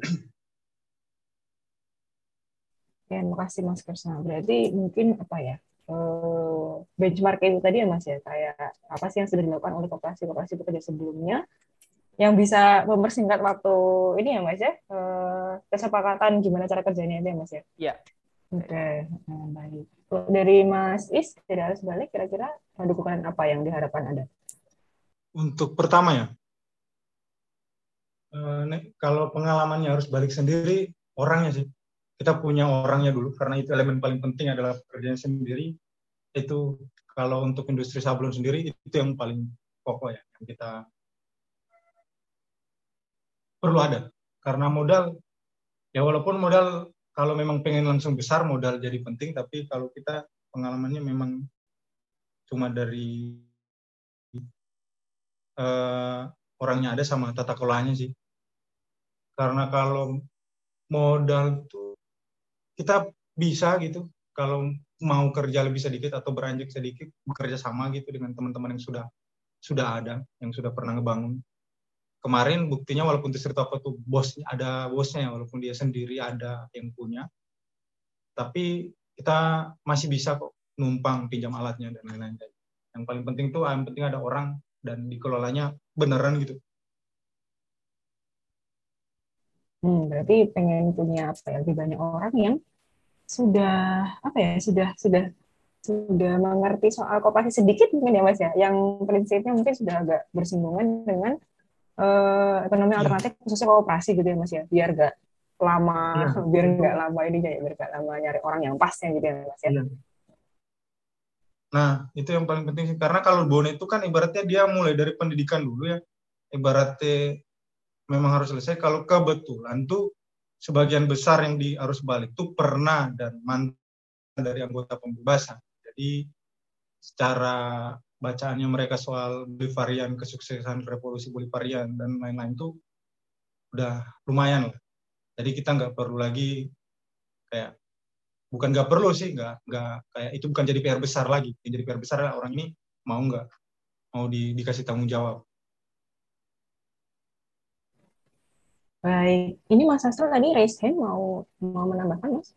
Silakan.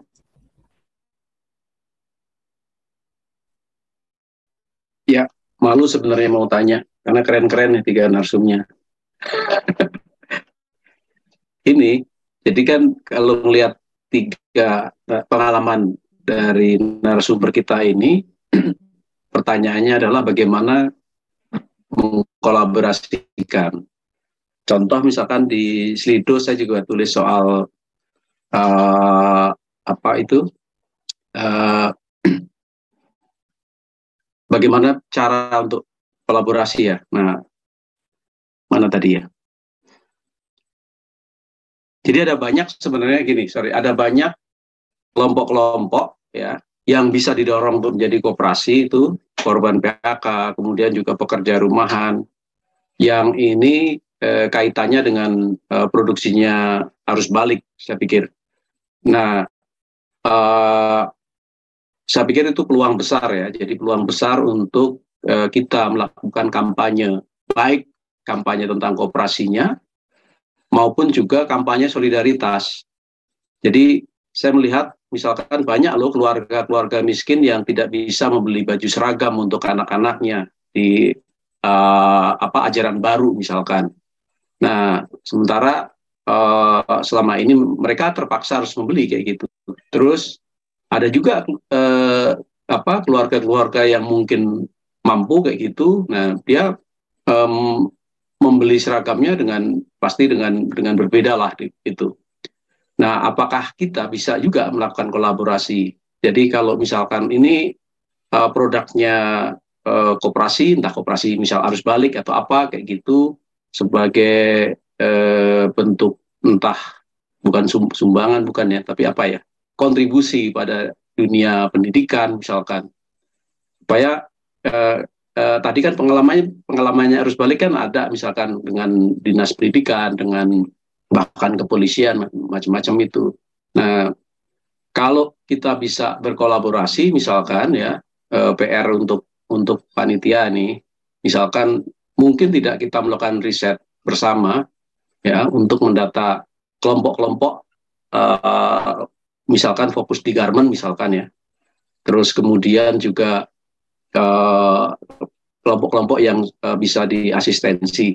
Nah ini kepentingan saya sih atau kepentingan kita sih sebenarnya bagaimana memperluas mem memperbesar baik itu juga modal kita misalkan atau logistik kita tapi juga pengaruh kita ke ke ke ke apa ke publik terutama kayak gitu. Dengan misalkan ditambah uh, kalau Krishna tadi apa mudah mudik op ya dan, uh, pakai aplikasi pakai nah itu kan saya pikir akan lebih lebih kuat kalau itu bisa dilakukan mungkin itu Mbak Amelia Oke, makasih uh, insight-nya ya Mas Prof. Jadi bisa apa ya? Uh, kolaborasi ini bisa bisa membuat uh, pengaruh kooperasi yang kita kampanyekan di sini bisa jadi lebih luas lagi ya Mas ya. Oke. Kemudian, ya, pertanyaannya adalah ketiga hmm? narasumber bisakah berkolaborasi untuk hal ini? Bagaimana teman-teman? Oke, nah, jawab itu. Iya, oke. Nah, kalau untuk Mas Bone, Mau mau Ayo, coba itu. jawab juga? Silakan Mas Is dulu. Oh, yang pertanyaan Mas Astro itu. Boleh aja Mas Is. Yang tadi itu menarik soalnya. Kebetulan kemarin tuh kita baru mikirin panjang buat nyari itu. Lagi yang soal pertanyaan Mas Astro tuh uh, sebenarnya uh, semalam terakhir itu update soal itu kita tuh uh, pengen maksudnya selama ini kan kita lempar sana sini ya untuk kita kekurangannya itu kan di mesin jahit atau dan bahkan yang mereka yang yang bisa memproduksi kainnya gitu. Uh, kan sampai saat ini kita tuh masih terbatas di situ. Bahkan beberapa kali ketika harus produksi produksi baju-baju teman-teman di Papua tuh baju seragam sekolahnya beberapa sekolah di Papua tuh kita karena kita nggak itu nggak melibatkan kita sama sekali tapi kita kita ambil untuk kemudian kita carikan bahan. Dan pokoknya bagaimana caranya mereka beli lebih murah beli lebih murah dengan kualitas yang sama dengan di pasaran. Karena kebetulan kita uh, mungkin karena sering langganan ke orang itu dikasihnya kayak misalnya ongkos jahit dan lain itu lebih murah. Nah ini bagus banget kalau sampai ada ide atau tawaran untuk bekerja sama dalam dalam hal kayak misalnya ada ibu-ibu. Kemarin tuh aku baru nyari kebetulan ada satu temen ada satu temen yang ibunya juga udah apa ya udah cukup lama jahit tapi udah sepi pembelinya jadi semenjak pandemi. Itu aku tawarkan bagaimana caranya dia mau ngerjain ngerjain ah kalau ada di Solo lebih bagus lagi. Kemarin kita nawarin dia punya mesin apa gitu punya mesin misalkan misalnya dijahit di kalau untuk jahit di di kaos tuh overdeck terus kemudian jahit rantai. Nah ke, kemarin dia menyanggupi adanya mesin obras ya udah berarti tinggal cari jahit rantai sama overdeck ya terbuka banget sih malah senang kita. Artinya uangnya tuh muter-muter di situ aja dan dengan mungkin kita merasa pede aja dengan sistem kerja yang kita jalankan gitu. Nggak ada kepemilikan pribadi bayarnya bisa lebih bisa lebih maksimal. Terbuka banget untuk uh, apalagi kalau misalnya nanti ada diskusi lanjutan soal ini Iya, terima ya. kasih, Saris. Jadi saya pikir Sena Bima dan kawan-kawan bisa mencatat ini penting banget ini untuk bisa ditindaklanjuti termasuk nanti Mas Krisna bagaimana membantu kita juga maksudnya untuk dalam kolaborasi itu saya pikir itu poin penting banget yang bisa dalam waktu cepat itu uh, kita jalankan bersama gitu terima kasih Oke, terima kasih Mas Astro, Mas Is ya. Kemudian uh, Mas Boni, apakah mau menjawab pertanyaan yang tadi ini? ya apa dukungan yang diharapkan atau bisa kita lanjut ke pertanyaan uh, selanjutnya? Oke, okay, boleh aku jawab. Kalau soal ya, ya. dukungan sebenarnya sih masalah sekarang adalah kayak tadi aku bilang ya. Selama ini kemarin-kemarin kita beberapa kali mengalami kendala gitu ya di masalah pemasaran. Mungkin kita sempat masarin kan ke daerah Jawa Tengah, ke Jawa Timur. Itu jadi atau ke teman-teman sekitar sini jadi masalah adalah uh, oke mungkin beberapa sudah ngerti lah masalah basic basic ideologi gitu ya mungkin beberapa tapi ketika uh, mereka menjual, mereka itu ya semaunya aja, sesantainya. Bukan bukan kita bukan kita memaksa mereka mengejar target gitu ya, mengejar target, tapi pada akhirnya adalah itu menjadi berlarut berbulan-bulan hingga akhirnya udah kita putusin pemutihan aja. Beberapa kali mengalami kayak gitu. Dan kalau soal modal sebenarnya kita sekarang ada ada orang gitu ya dari teman dari anggota koperasi juga lah teman temannya dia yang memodalin kita buat ilegal buat dilegalkan gitu buat legalkan cuma pertimbangan kita adalah bagaimana mekanismenya dan bagaimana uh, menawarkan mekanisme kerja ke dia syarat-syaratnya. Sementara dunianya berbeda itu adalah pertimbangan selanjutnya. Dan sekarang sih kita kendalanya sih soal gimana kita membangun jaringan pemasaran aja sih, cara solidaritas pemasaran itu aja sih mungkin. Kalau soal legal, kita sih dari awal uh, outlaw ya, nggak kita udah tahu resiko kita apa, kita sepakat uh, dan anggota baru pun udah kita tawarkan. Kita mau jual ini resikonya kayak gini sepakat nggak? Sepakat. Oh ya udah. Hobi mabuk kan? Ya udah hobi. Sengaja kita mengurangi konsumsi kita. Dan penjualannya dianggap kita bonus walaupun sekarang penjualan kita baru bisa sekitar menopang 30 persen 40 persen lah maksimal dari UMR Jakarta gitu ya. Ya nggak masalah. Seenggaknya kalau dihitung hitung misalnya kita minuman sendiri sebulan konsumsi satu setengah juta gitu ya ya mungkin ada sekitar 3 jutaan itu per orang. Dan soal, soal tanggapan ke Mas Astro menarik sih tawaran kayak gitu. Itu beberapa kali kalau di sini udah kita praktekkan gitu ya. Misalnya kayak kemarin ada temen-temen yang menikahan kita tawarkan harga yang dengan berbeda kerjasama harga lebih murah gitu kita kirimnya per dirigen gitu agak khusus harga jaringan itu sih Oke, masih jawabannya ya Mas Bone.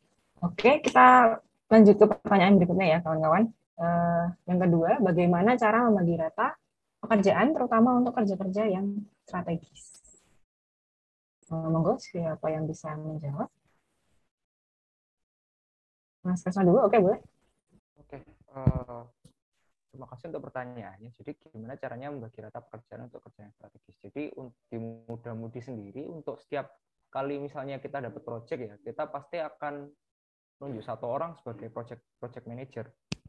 Nah, itu nanti dia akan diasistensi dengan dua orang apa ya, istilahnya kayak tim teknisnya lah untuk semisal di pekerjaan A ini ternyata dia butuh uh, dua orang IT, misal. Oh, ya udah, yang satu orang ini jadi project manajernya yang dia bertugas untuk apa ya? Uh, sebagai penghubung antara klien dengan operasi kita, kemudian dia yang akan ngeflorin model kerjanya ke uh, tim teknisnya seperti itu. Dan itu pun bisa gantian, nggak hanya satu orang aja. Jadi dari sembilan orang itu kita memang sudah membiasakan untuk dari sembilan orang itu harus bisa jadi project manager lah istilahnya nggak hanya belajar teknis saja baik berarti konsepnya kayak uh, agitasinya Mas Bone ya? Jadi setiap orang diberi kesempatan untuk memimpin juga nanti diberi kesempatan untuk uh, bekerja secara teknis gitu Mas ya? Iya ya jadi kurang lebih kayak gitu sih. Baik. Kemudian kalau untuk Mas uh, Is atau Mas Bone cara bagi kerjanya yang strategis gimana?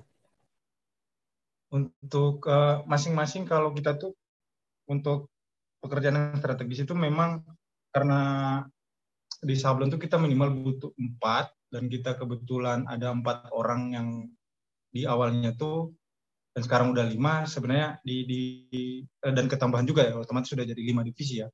Uh, itu masing-masing pegang satu divisi tapi walaupun dia misalnya bertanggung jawab atau kayak di, ditugaskan untuk memimpin divisi tersebut, dia ada kalanya diperbantukan, di berdasarkan uh, apa ya kayak beban kerjanya itu diperbantukan ke divisi yang lain. Misalnya aku bertanggung jawab terhadap produksi digital. Nah, digital itu kan sebenarnya tidak membutuhkan kerja banyak ya, karena sebagian besar di, prosesnya dikerjakan oleh mesin sablon digital.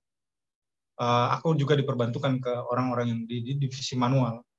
Jadi biar karena karena kita belum ada sistem upah tadi, upah yang ini buat divisi ini segini belum ada jadi kita bagi rata semua untuk yang strategi strategi terus setelah itu baru yang pekerjaan-pekerjaan turunannya dibagikan kembali ke orang lain ke teman-teman yang ada di meskipun mereka sudah memimpin satu divisi karena masih kekurangan kan.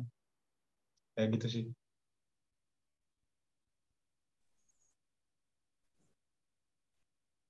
Baik, berarti uh, dari beban kerja teknis dulu ya Mas, teknis dulu kalau misalnya dia hmm. Uh, tidak terlalu berat, maka bisa diperbandingkan ke yang strategis juga gitu. Iya. Kecuali ah, yang ini. berat itu, kecuali yang berat tuh dia cuma memang pegang satu, kayak ada yang harus manasin itu. Mm-hmm. Proses pemanasan tinta sabun itu kan ada kalanya lama banget dengan okay. waktu itu kita masih pakai listrik listrik di bawah itu tidak mm-hmm. mencukupi untuk beli alat yang cepat buat pemanasannya. Mm-hmm uh, dulu ya dia bertanggung jawabnya di situ aja karena hmm. lumayan pegel itu tangan itu. Okay. Kalau seharian seharian dia kayak gitu jadi dia bertanggung jawab di situ aja. Kasihan juga nanti hmm. umur 30 udah pegel-pegel. Baik, oke. Okay. Makasih Mas. Kalau Mas Bone, gimana Mas caranya untuk bekerja strategis? Uh, kalau kita sih, kalau soal pembagian kerja gitu ya, uh, kalau aku kan bagian manajemen dan admin gitu ya, itu dapat sendiri itu eh, seratus ribu gitu dan dan pulsa berbeda ya di subsidi dan dan di sisi, di sisi produksi karena ada kita kita produksinya di kental di gentong kaca ya di kaca gitu ya galon kaca. E, kalau aku sendiri cuma produksi satu galon kaca atau sekitar 15 liter. Dan yang tiga anggota lainnya produksi 30 liter per orang. Dan kita ngitungnya adalah per orang itu karena proses pengerjaan rata-rata dua jam kita memberi upah sekitar kurang lebih e, 50 ribu, kita 50 ribu. Jadi hitungannya adalah kita memakai acuan dari upah per jam di Jakarta kurang lebih gitu ya.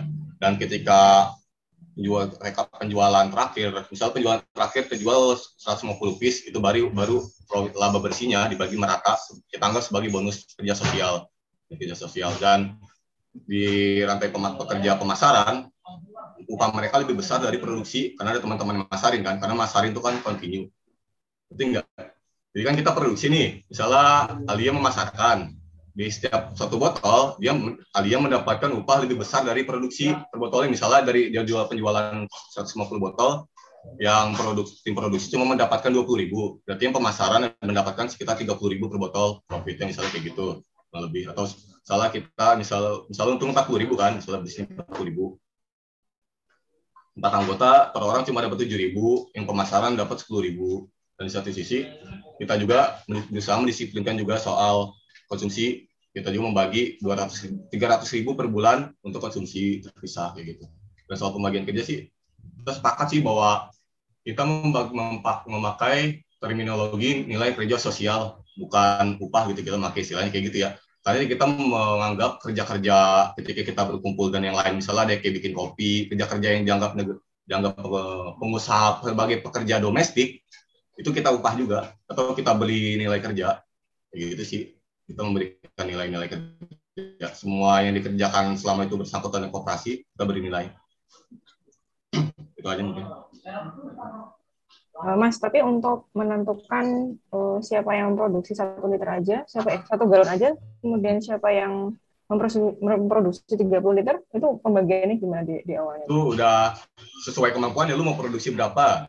Biasanya mereka awal kan mereka mereka makin beli alat produksinya sendiri, makin modal sendiri. Cuma kita sepakat dana komunalnya minimal 2 juta. Gitu.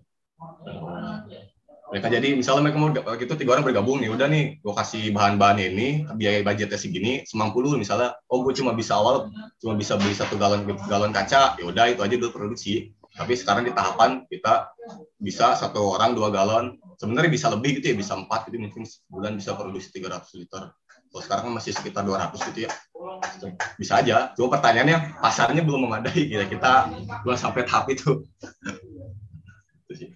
ya berarti awalnya dari kemampuan sendiri dulu ya mas ya kalau misalnya yeah. belum mampu ya mampunya gitu ya hmm. baik oke okay. untuk pertanyaan ini uh, semoga clear ya kawan-kawan ya oke okay. baik kita beranjak ke pertanyaan yang berikutnya dari kak Devi kak Devi mungkin bisa uh, unmute untuk menjelaskan uh, pertanyaannya bisa nggak?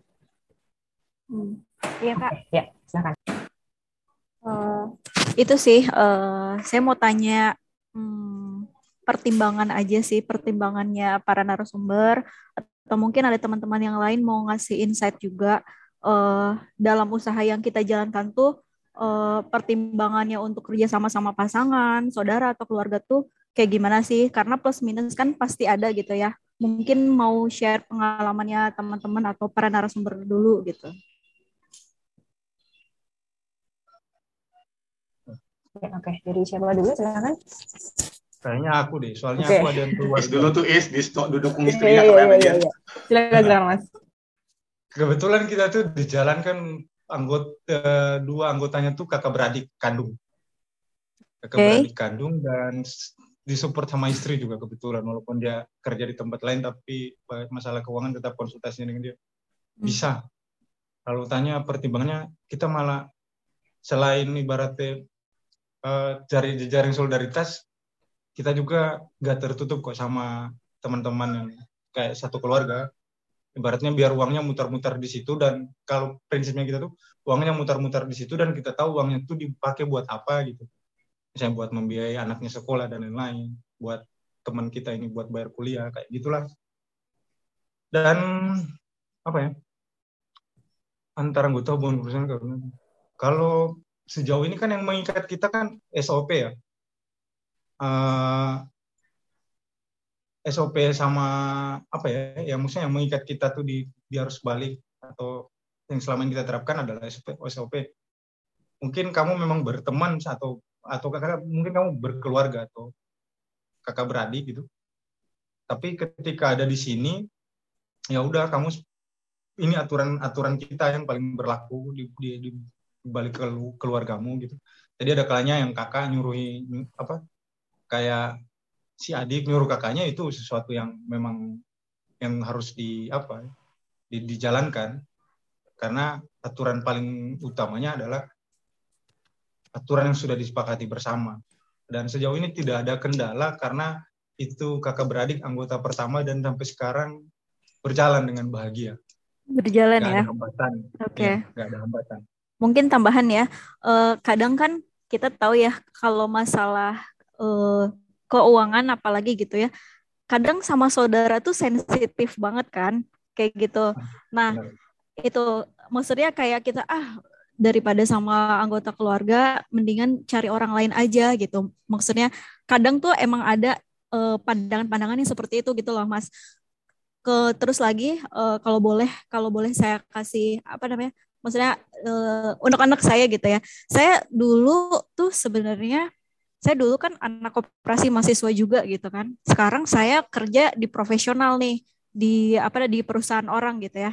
Nah suami saya itu anak koperasi juga. Nah, tapi dia memang uh, prinsipnya memang dia lebih memilih untuk berbisnis atau usaha sendiri seperti eh, teman-teman yang lain kayak gitu. Nah, dan saya juga sebenarnya punya bisnis usaha saya sendiri juga gitu sembari saya bekerja gitu kan. Cuman kadang tuh karena kita punya uh, pandangan yang berbeda gitu ya. Saya sama suami tuh sama-sama punya prinsip yang agak kuat juga gitu loh Mas. Jadi kayak mau disatukan tuh susah banget gitu. Padahal padahal uh, kita yang namanya orang-orang kooperasi gitu ya, apalagi yang yang pengen uh, demokrasi ekonominya gitu ya. Kolaborasi itu kan uh, sesuatu hal yang iya ini ini ini bisa nih dikolaborasiin. Iya nih bagus nih kita harus kolaborasi dan lain-lain kayak gitu kan. Tapi saya sama suami aja kayak susah banget ya buat kolaborasinya gitu. Maksudnya padahal saya tahu uh, kelebihan saya di bagian di bidang A gitu kan, suami di bidang B gitu kan. Padahal bisa dikolaborasikan tapi kadang uh, ego yang cukup tinggi itu uh, bikin kita ya jangan masing-masing dulu deh gitu kan. Dia dengan bisnisnya, saya dengan bisnisnya gitu deh. Gitu gitu sih. Itu kadang egonya itu nih Mas gitu. Monggo silahkan kamu mau tanggapi ya gimana? Ya? kayaknya memang harus diselesain dulu deh egonya itu. Karena itu yang, yang paling yang paling mendasar. Namanya kalau kita mah kita terapin kalau udah masuk ke ranahnya harus balik ya udah itu tanggung jawabnya harus balik. Soal uang ber uang ya justru kita masalah itu sebenarnya ada di temen. Nah. Sepakat. Lingkaran lingkaran pertemanan bukan sepakat itu sepakat. keluarga. Okay. Ya, tadi sebenarnya pas Bone ngomongin soal teman itu sebenarnya aku pengen nambah di situ. Nah, jadi kita tuh kadang orang mikirnya tuh kita tuh kerja sepenuhnya buat kayak kalau ada teman yang susah gitu kita harus ngasih terus. Padahal oh, nggak iya. bisa, bisa gitu jadi, anjir. Jadi nggak enak gitu karena nggak enak aja jadi kita. Kayak aku kemarin tuh aku sempat emosi kita tuh kerja banting tulang kayak gitu. Uh ya kita karena punya program politik sendiri juga, kita punya program kebutuhan pribadi sendiri juga. Iya. Makanya kita siang malam kerja dan lain-lain kayak gini biar biar ngebagi gitu. Kadang kayak kemarin ada yang nyuruhin kalian tuh udah kerja begini begini, tapi aku ngefront nggak kalian kasih uang. Eh masalahnya ada kita juga punya kawan gitu. Kita punya teman yang ibaratnya macam dia udah ditugaskan kamu untuk menggantikan kita iya. gini. Nah cuma kadang yang problemnya problemnya tuh di, di teman sejauh ini uang kita tuh kadang uh, mungkin karena masih nggak tega beberapa kali dulu itu uangnya mentok di orang lain. Hmm. uangnya nggak kembali kembali gitu ya. Kalau kayak gitu ya masih banyak utang kita orang-orang. Kayak kalau kita ngitung dia misalnya aku punya kebutuhan ini ternyata itu kebutuhan omong kosong gitu. Nah itu kendalanya dulu. Justru masalahnya ada di situ. Dan kalau sekarang mah kita nerapin pokoknya apa pun uang yang keluar tuh berdasarkan programnya harus balik gitu. Atau misalnya oh. orang tuh udah misalnya kayak misalnya Wadas kemarin is dan uh, kita butuh tuh buat mm, apa buat ngedukung teman-teman yang ngefront di Wadas butuh segini ya udah kita carikan alternatif karena ini biaya yang tak terduga kita tanggulangi dulu tapi habis itu kita carikan alternatif misalnya dengan ngejual produk bareng-bareng gitu kayak gitu karena sampai sekarang masalah utamanya itu bukan justru bukan karena dari keluarga. Kalau dari keluarga justru kita udah selesai ya maksudnya. Ego udah udah berhasil disingkirin dan buktinya kita dari awal sampai sekarang berjalan dengan keluarga. Nggak nggak ada cuma beberapa aja yang bukan keluarga dan satu, ya, sisa lebihnya teman-teman satu organisasi. Kendala paling besar justru ada di teman. Oke. Okay. terima kasih mas. Oh. Yang lain mungkin ada yang mau nambahin? Mungkin aku nanggepin dulu ya soal hmm. masalah itu kalau aku sih soal kayak masalah sama partner gitu ya, dari malah dari 2019, aku sudah ketika belum jadian waktu itu ya, belum jadi partner aku, udah terang-terang dari awal, kegiatan politik gua kayak gini, tujuan gua kayak gini, ideologi gua kayak gini. Namun berseberangan ya, dia bilang ideologi gua liberal, ya nggak masalah. Itu apa, itu otonomi masing-masing, kayak gitu. Nah kita kayak bareng-bareng, enggak, ketika produksi dia pun ikut packaging ciu gitu kan ikut bagus packing. Oh, dunia kita berbeda dan kalau dibilang masyarakat umum di Jakarta mungkin kita pasangan yang aku tuh dianggap cuma modal selangkangan doang karena dia yang bekerja. Dia kerja kantoran sementara karena hmm. kegiatan tuh jual koperasi gitu kan coba coba bangun koperasi walaupun beberapa kali gagal ya tapi dia untungnya sih tetap support. Dan tapi itu pun bisa sampai tahapan kayak gitu satu tahun pertama berdarah-darah. Nah, dari itu. mulai apa ya aku jarang nongkrong itu sama sastra aku jarang ketemu. Karena urusan domestikku belum kelar. Sampai masalah itu urusan domestik bareng-bareng lah tinggal bareng itu belum kelar kayak masalah kayak gitu.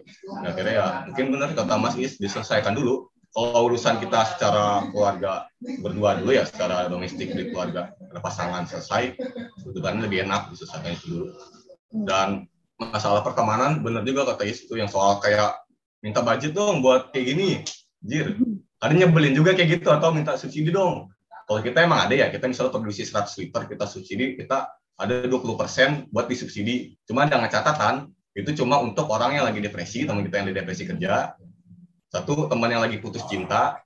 Saya memang dia lagi bener-bener butuh banget mumet soalnya. Dan di satu sisi kita juga setiap keuntungan misalnya kita di awal tuh misalnya kita dapat sebulan lima ribu gitu ya kita sepakat lima ratus ribu untuk akumulasi modal dan kita sepakat dari potongan laba bersih 10 persennya itu di 10 persennya itu untuk lima persennya SAU, lima persen krisis, dan krisis itu digunakan untuk yang tadi kata Is bilang misalnya kayak buat teman-teman yang digerakkan itu kita sisihkan 5% dari pendapatan bersih jadi ya nggak bisa tiba-tiba keluar gue minta dong 500 ribu aja hmm, gue keplak palanya kayak gitu nggak bisa kayak gitu. Itu udah ada anggarannya sendiri nggak bisa kayak gitu. Harus dianggarin harus disiplin. Kayak gitu sih. Oke mas. Thank you. Ya, dari mas Krisna mau jawab juga? Kalau dari muda-mudi sendiri itu emang masalah apa ya pasangan saudara keluarga ini sebenarnya udah jadi concern kita di awal pendirian. Jadi dulu kita sempat kayak ngadain rapat juga ini gimana kalau salah satu anggota kita tuh ada yang pacaran misalnya? Itu soalnya dialami oleh tiga orang gimana ya ada tiga orang di tim kita itu yang pernah jadi saksi mata. Mereka punya temen gitu kan bikin usaha bareng pacarnya gitu. Itu akhirnya apa usahanya bubar karena kedua orang ini tuh akhirnya putus gitu kan. Nah itu tuh akhirnya bikin gimana ya karena kita akhirnya bikin kesepakatan kalau semisal kita masih ada apa ya kita masih dalam tahapan pacar apa masih ada pacarnya jangan dimasukin koperasi dulu gitu. Meskipun dia se, se apa ya sejago apa karena ya itu tadi kemampuan teknisnya sejago apa pun kalau dia masih jadi pacar dari seorang anggota itu agak susah ya kalau mau apa ya nge ngerunning oh gitu. Itu sampai sekarang tuh peraturannya? Ya lah itu peraturannya masih sampai sekarang tapi masih belum di apa ya belum dimasukin ke dalam sebuah aturan SOP tertulis lah. Itu masih hmm. kesepakatan. Kesepakatan bersama ya, gitu ya? kesepakatan bersama.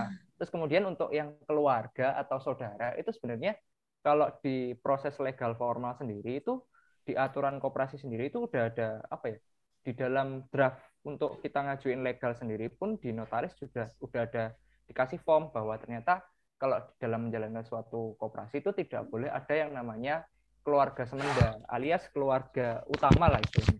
Kalau misal ada orang tua sama anaknya tuh join di sebuah koperasi sebagai anggota, itu tuh ternyata di dalam aturannya itu nggak boleh. Jadi kita udah tanda tangan sebelum kita ngajuin legal formal pun kita udah tanda tangan apa kayak tanda tangan kesepakatan bahwa kita tidak boleh ada saudara semenda lah istilahnya seperti itu. Hmm. Karena kalau misalkan ngelihat ini ya apa namanya apalagi di perusahaan-perusahaan yang gede gitu kayak di perusahaanku itu kayak saudara tuh wajar aja si bapak ini masukin sepupunya atau masukin ponakannya kayak gitu gitu tuh uh, biasa gitu cuman emang bukan di satu divisi gitu terus kalau misalkan kayak buat pengusaha yang itu sama partnernya itu kayak kalau kita mau ngelihat oh si apa Juragan 99 sama Sandy kan kayak couple goals banget tuh. Itu kan kayak jadi inspirasi emang banyak cerita yang uh, apa sama partnernya bisa jadi sukses bareng kayak gitu kan. Cuman ada juga yang memang um, sulit untuk disatukan kayak mungkin di di dalam case aku ini mungkin emang masih awal gitu ya. Jadi kita juga masih masih uh, perlu mendalami insight atau feeling feeling di dalam berbisnisnya juga gitu. Mungkin someday aku sih kayak mungkin someday bisa bisa dikolaborasikan. Tapi kalau untuk sekarang mungkin kita masih meraba-raba sendiri dulu gitu. Oke thank you Mas Kresna Mas Bone dan dari arus balik. Mas Is. Ya Mas Is. Oke makasih pertanyaannya Mbak Devi oh ini ada Mas Edi yang mau nambahin juga silakan Mas hmm. uh, mau nanya masih boleh nggak silakan Mas oh iya boleh uh, mau tanya sih ke teman-teman. Tadi kan kalau saya coba ngelihat gitu ya, kooperasi yang didirikan sama teman-teman itu kan mungkin base-nya itu ya ada barang yang dihasilkan gitu, barang atau jasa yang dihasilkan. Nah, uh, bisa nggak sih kooperasi pekerja itu uh, digunakan untuk seluruh macam pekerjaan gitu ya? Maksudnya yang nggak berba yang nggak berdasarkan uh, transaksi gitu misalnya. Apakah mungkin gitu memungkinkan? Itu sih pertanyaannya. Bisa aja sih di. Gimana tuh mas? Oh di dia sebenarnya kayak kemarin gue bilang kadang-kadang kan bikin dana komunal kan. Satu sisi sebenarnya kita rencana mau bikin mutual kredit mutual kredit itu adalah kita tuh beberapa kali misalnya aku tidak punya resource untuk IT bikin headset itu kita tukeran misalnya sama teman IT dan itu dihitung dari misalnya tiga ratus ribu misalnya dia biaya bikin website itu dikonversikan bisa menjadi jam kerja misalnya dikonversikan dari jam kerja sekitar 10 jam kerja itu bisa ditukarkan dengan misal berarti dia aku punya utang ke dia 10 jam kerja atau tiga ratus ribu juga tapi bentuknya bukan uang ya. Bentuknya bukan uang jadi kita kooperasinya kayak gitu. Jadi kooperasi tenaga lah kooperasi tenaga kerja gitu. Jadi kontak bentuknya bukan uang kalau kita udah mulai nyoba itu. Jadi kita tuh nggak pernah kurang resource. Misal kita butuh desain bisa sama temen yang kerja di agensi. Ketika dia butuh minuman oke okay, kita bisa kemarin pakai tenaga dia berapa agitasi ngasih minuman ke dia gitu. Kooperasi gitu sih. Mungkin itu bukan kooperasi untuk transaksional secara dengan uang ya ini lebih ke transaksi tenaga sih dari sisi di silang tenaga sisi tenaga itu kalau gue sih sekarang bayangan gue mau udah mulai jalan kayak gitu sih walaupun belum secara teoritis belum dirunutkan gitu ya tapi beberapa kali kita melakukan itu ya saling bantu Gak bilang konteks, bukan konteks transaksinya uang, lebih ke saling skill masing-masing. Oke, untuk Mas Is, boleh menanggapi juga? Orang itu kayak bon, kayak Boni tadi itu dijalankan kayak gitu. Kalau kayak kita nggak punya apa, kayak nggak punya tenaga di salah satu proyek gitu yang digarap kayak sekarang, kadang masih kayak gitu sama kerja sama kayak gitu sama teman-teman. Kalau dari Mas Krista gimana Mas? Kelihatannya bisa ya. Kalau setahu tuh kemarin aku sempat baca di project Multatuli juga itu kan ada praktek apa kemarin operasi perumahan ya. Jadi modelnya ada sekumpulan kampung yang apa kepemilikan tanahnya itu dimiliki oleh satu koperasi yang tugasnya memang buat mendistribusikan hunian gitu. Kayak gitu sih.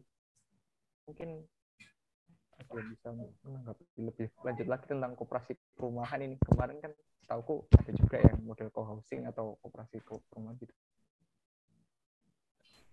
Oke, terima kasih Mas Krishna, Mas Mas Bumi, uh, jawabannya.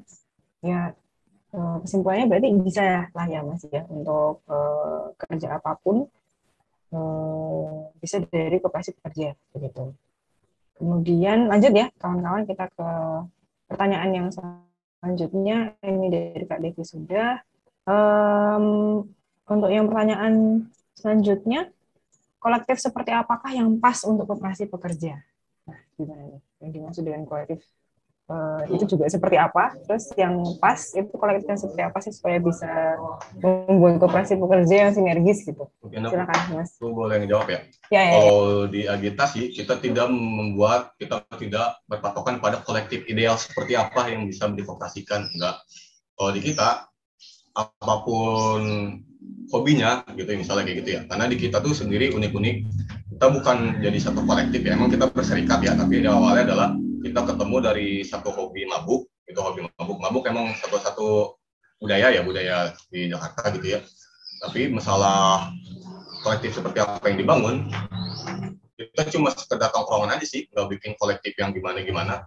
Ya, soalnya kita tuh berbeda-beda di sini ada yang satu teman dia itu orang anak-anak black metal gitu ya satu anggota kita dan satu lagi adalah uh, ibu abis lah kayak gitu satu lagi uh, pencinta Jepangan dan satu lagi ya dia adalah orang yang bucin lah. Cuma sempat sempat bisa dicari gitu akhirnya sekarang jadi anggota. Nggak masalah cuma kita ketemunya adalah jadi hobi nongkrong dulu aja. Yang penting kalau kita punya jargon namanya kita ngefriend dulu baru ngefront jadi berteman dulu hubungan hubungan intim gitu ya karena kita kita kan hubungan intimnya kebangun dari hobi nongkrong mabuk dan belajar bareng gitu ya. Kita kan sistemnya kita harus buku gitu ya. Seminggu sekali baca buku bareng sama setahun. Ya itu yang penting. Jadi kolektifnya dibangun dari keintiman dulu aja bukan jadi jadi tujuannya bu, kolektif bukan tujuan akhir ya bukan tujuan akhir tujuan awal tapi itu yang dibangun dari dulu adalah keintiman dulu aja keintiman kedekatan intim kedekatan dan kita biar sama-sama tahu ya penjelawannya lah kayak gitu kesannya jadi baru setelahnya operasi seperti apa yang akan dibangun itu mungkin cuma dari 10 orang kolektif cuma dua yang mau ya nggak masalah menurut Baik, oke. Oke, eh, kawan-kawan karena ini sudah jam 3 lebih satu, mungkin eh, jawaban dari Mas Kesha dan Mas Is bisa agak cepat ya Mas ya. Kemudian nanti kita tutup. Terima kasih. Oke, silakan Mas Is. Oh, kalau kemarin juga ada pertanyaan kayak gini dari salah satu teman itu dari Ci- Cianjur kalau salah. Yang aku jawab itu soal kolektif nggak ada sih syarat harus maju bagaimana gitu.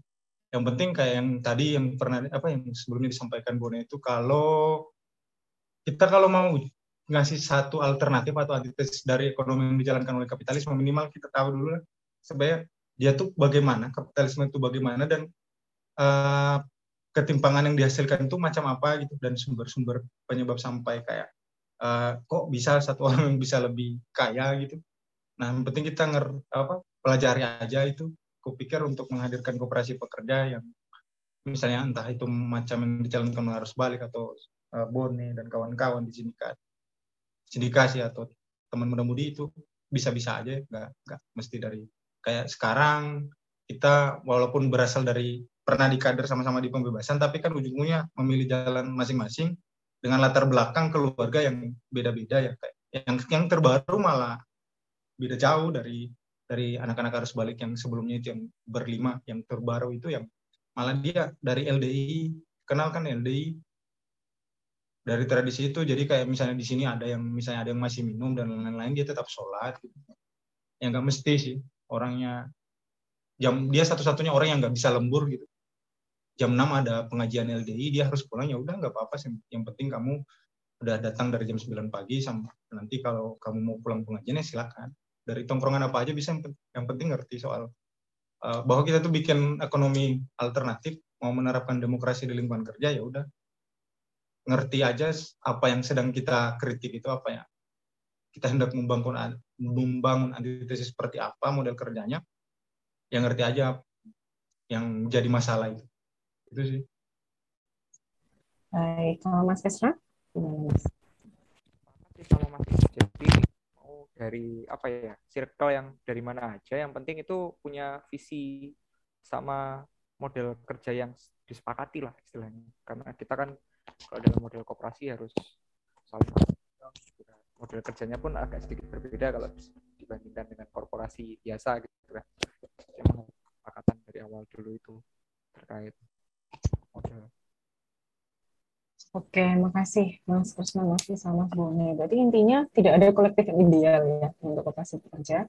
Yang penting eh, paham itu nih maksudnya bahwa kita kalau mau masuk di koperasi ya eh, karena kita mau dan kita paham eh, prinsip-prinsip demokrasi ekonomi gitu ya Mas. At least itu yang bisa menjahit satu sama lain gitu ya. Oke, alhamdulillah eh, syukurlah sudah sampai di akhir acara ya kawan-kawan. Terima kasih atas diskusinya ramai banget dan kayaknya nggak cukup, cuman kita, harus kita sudahi. Oke, sekian dari saya ya kawan-kawan, saya kembalikan ke MC. Terima kasih. Masih Alia dan teman-teman Narsum. Mantep banget. Ceritanya ke mana-mana dari yang tinggi, maksudnya dari yang jauh, dari yang dekat, semua ada. Termasuk untuk antusiasme semuanya.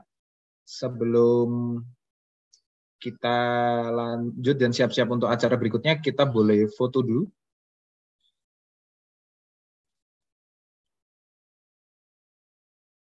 Silahkan yang bisa membuka videonya, ditunggu berapa detik. Oke.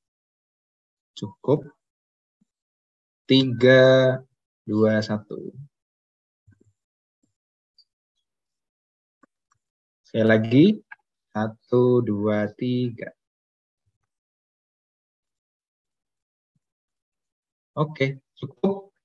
Terima kasih sekali Alia, Krisna, Mas Is, Mas Bone, teman-teman yang hari di sini. Reminder, nanti setengah empat kita ada sesi ke-6 yang harapannya ini bisa menjadi rangkuman dari semua yang sudah kita lewati, yaitu ya kita pengen membangun ekosistem kan. Tadi makanya saya sebenarnya curi-curi start pertanyaan pertama itu terkait sebenarnya apa sih yang dibutuhkan kalau kita pengen memperbanyak korupsi pekerja dan setelah memperbanyak nanti ya nggak cuma banyak tapi juga sukses jadi bisa menghidupi anggotanya. Sekian, sampai jumpa lagi.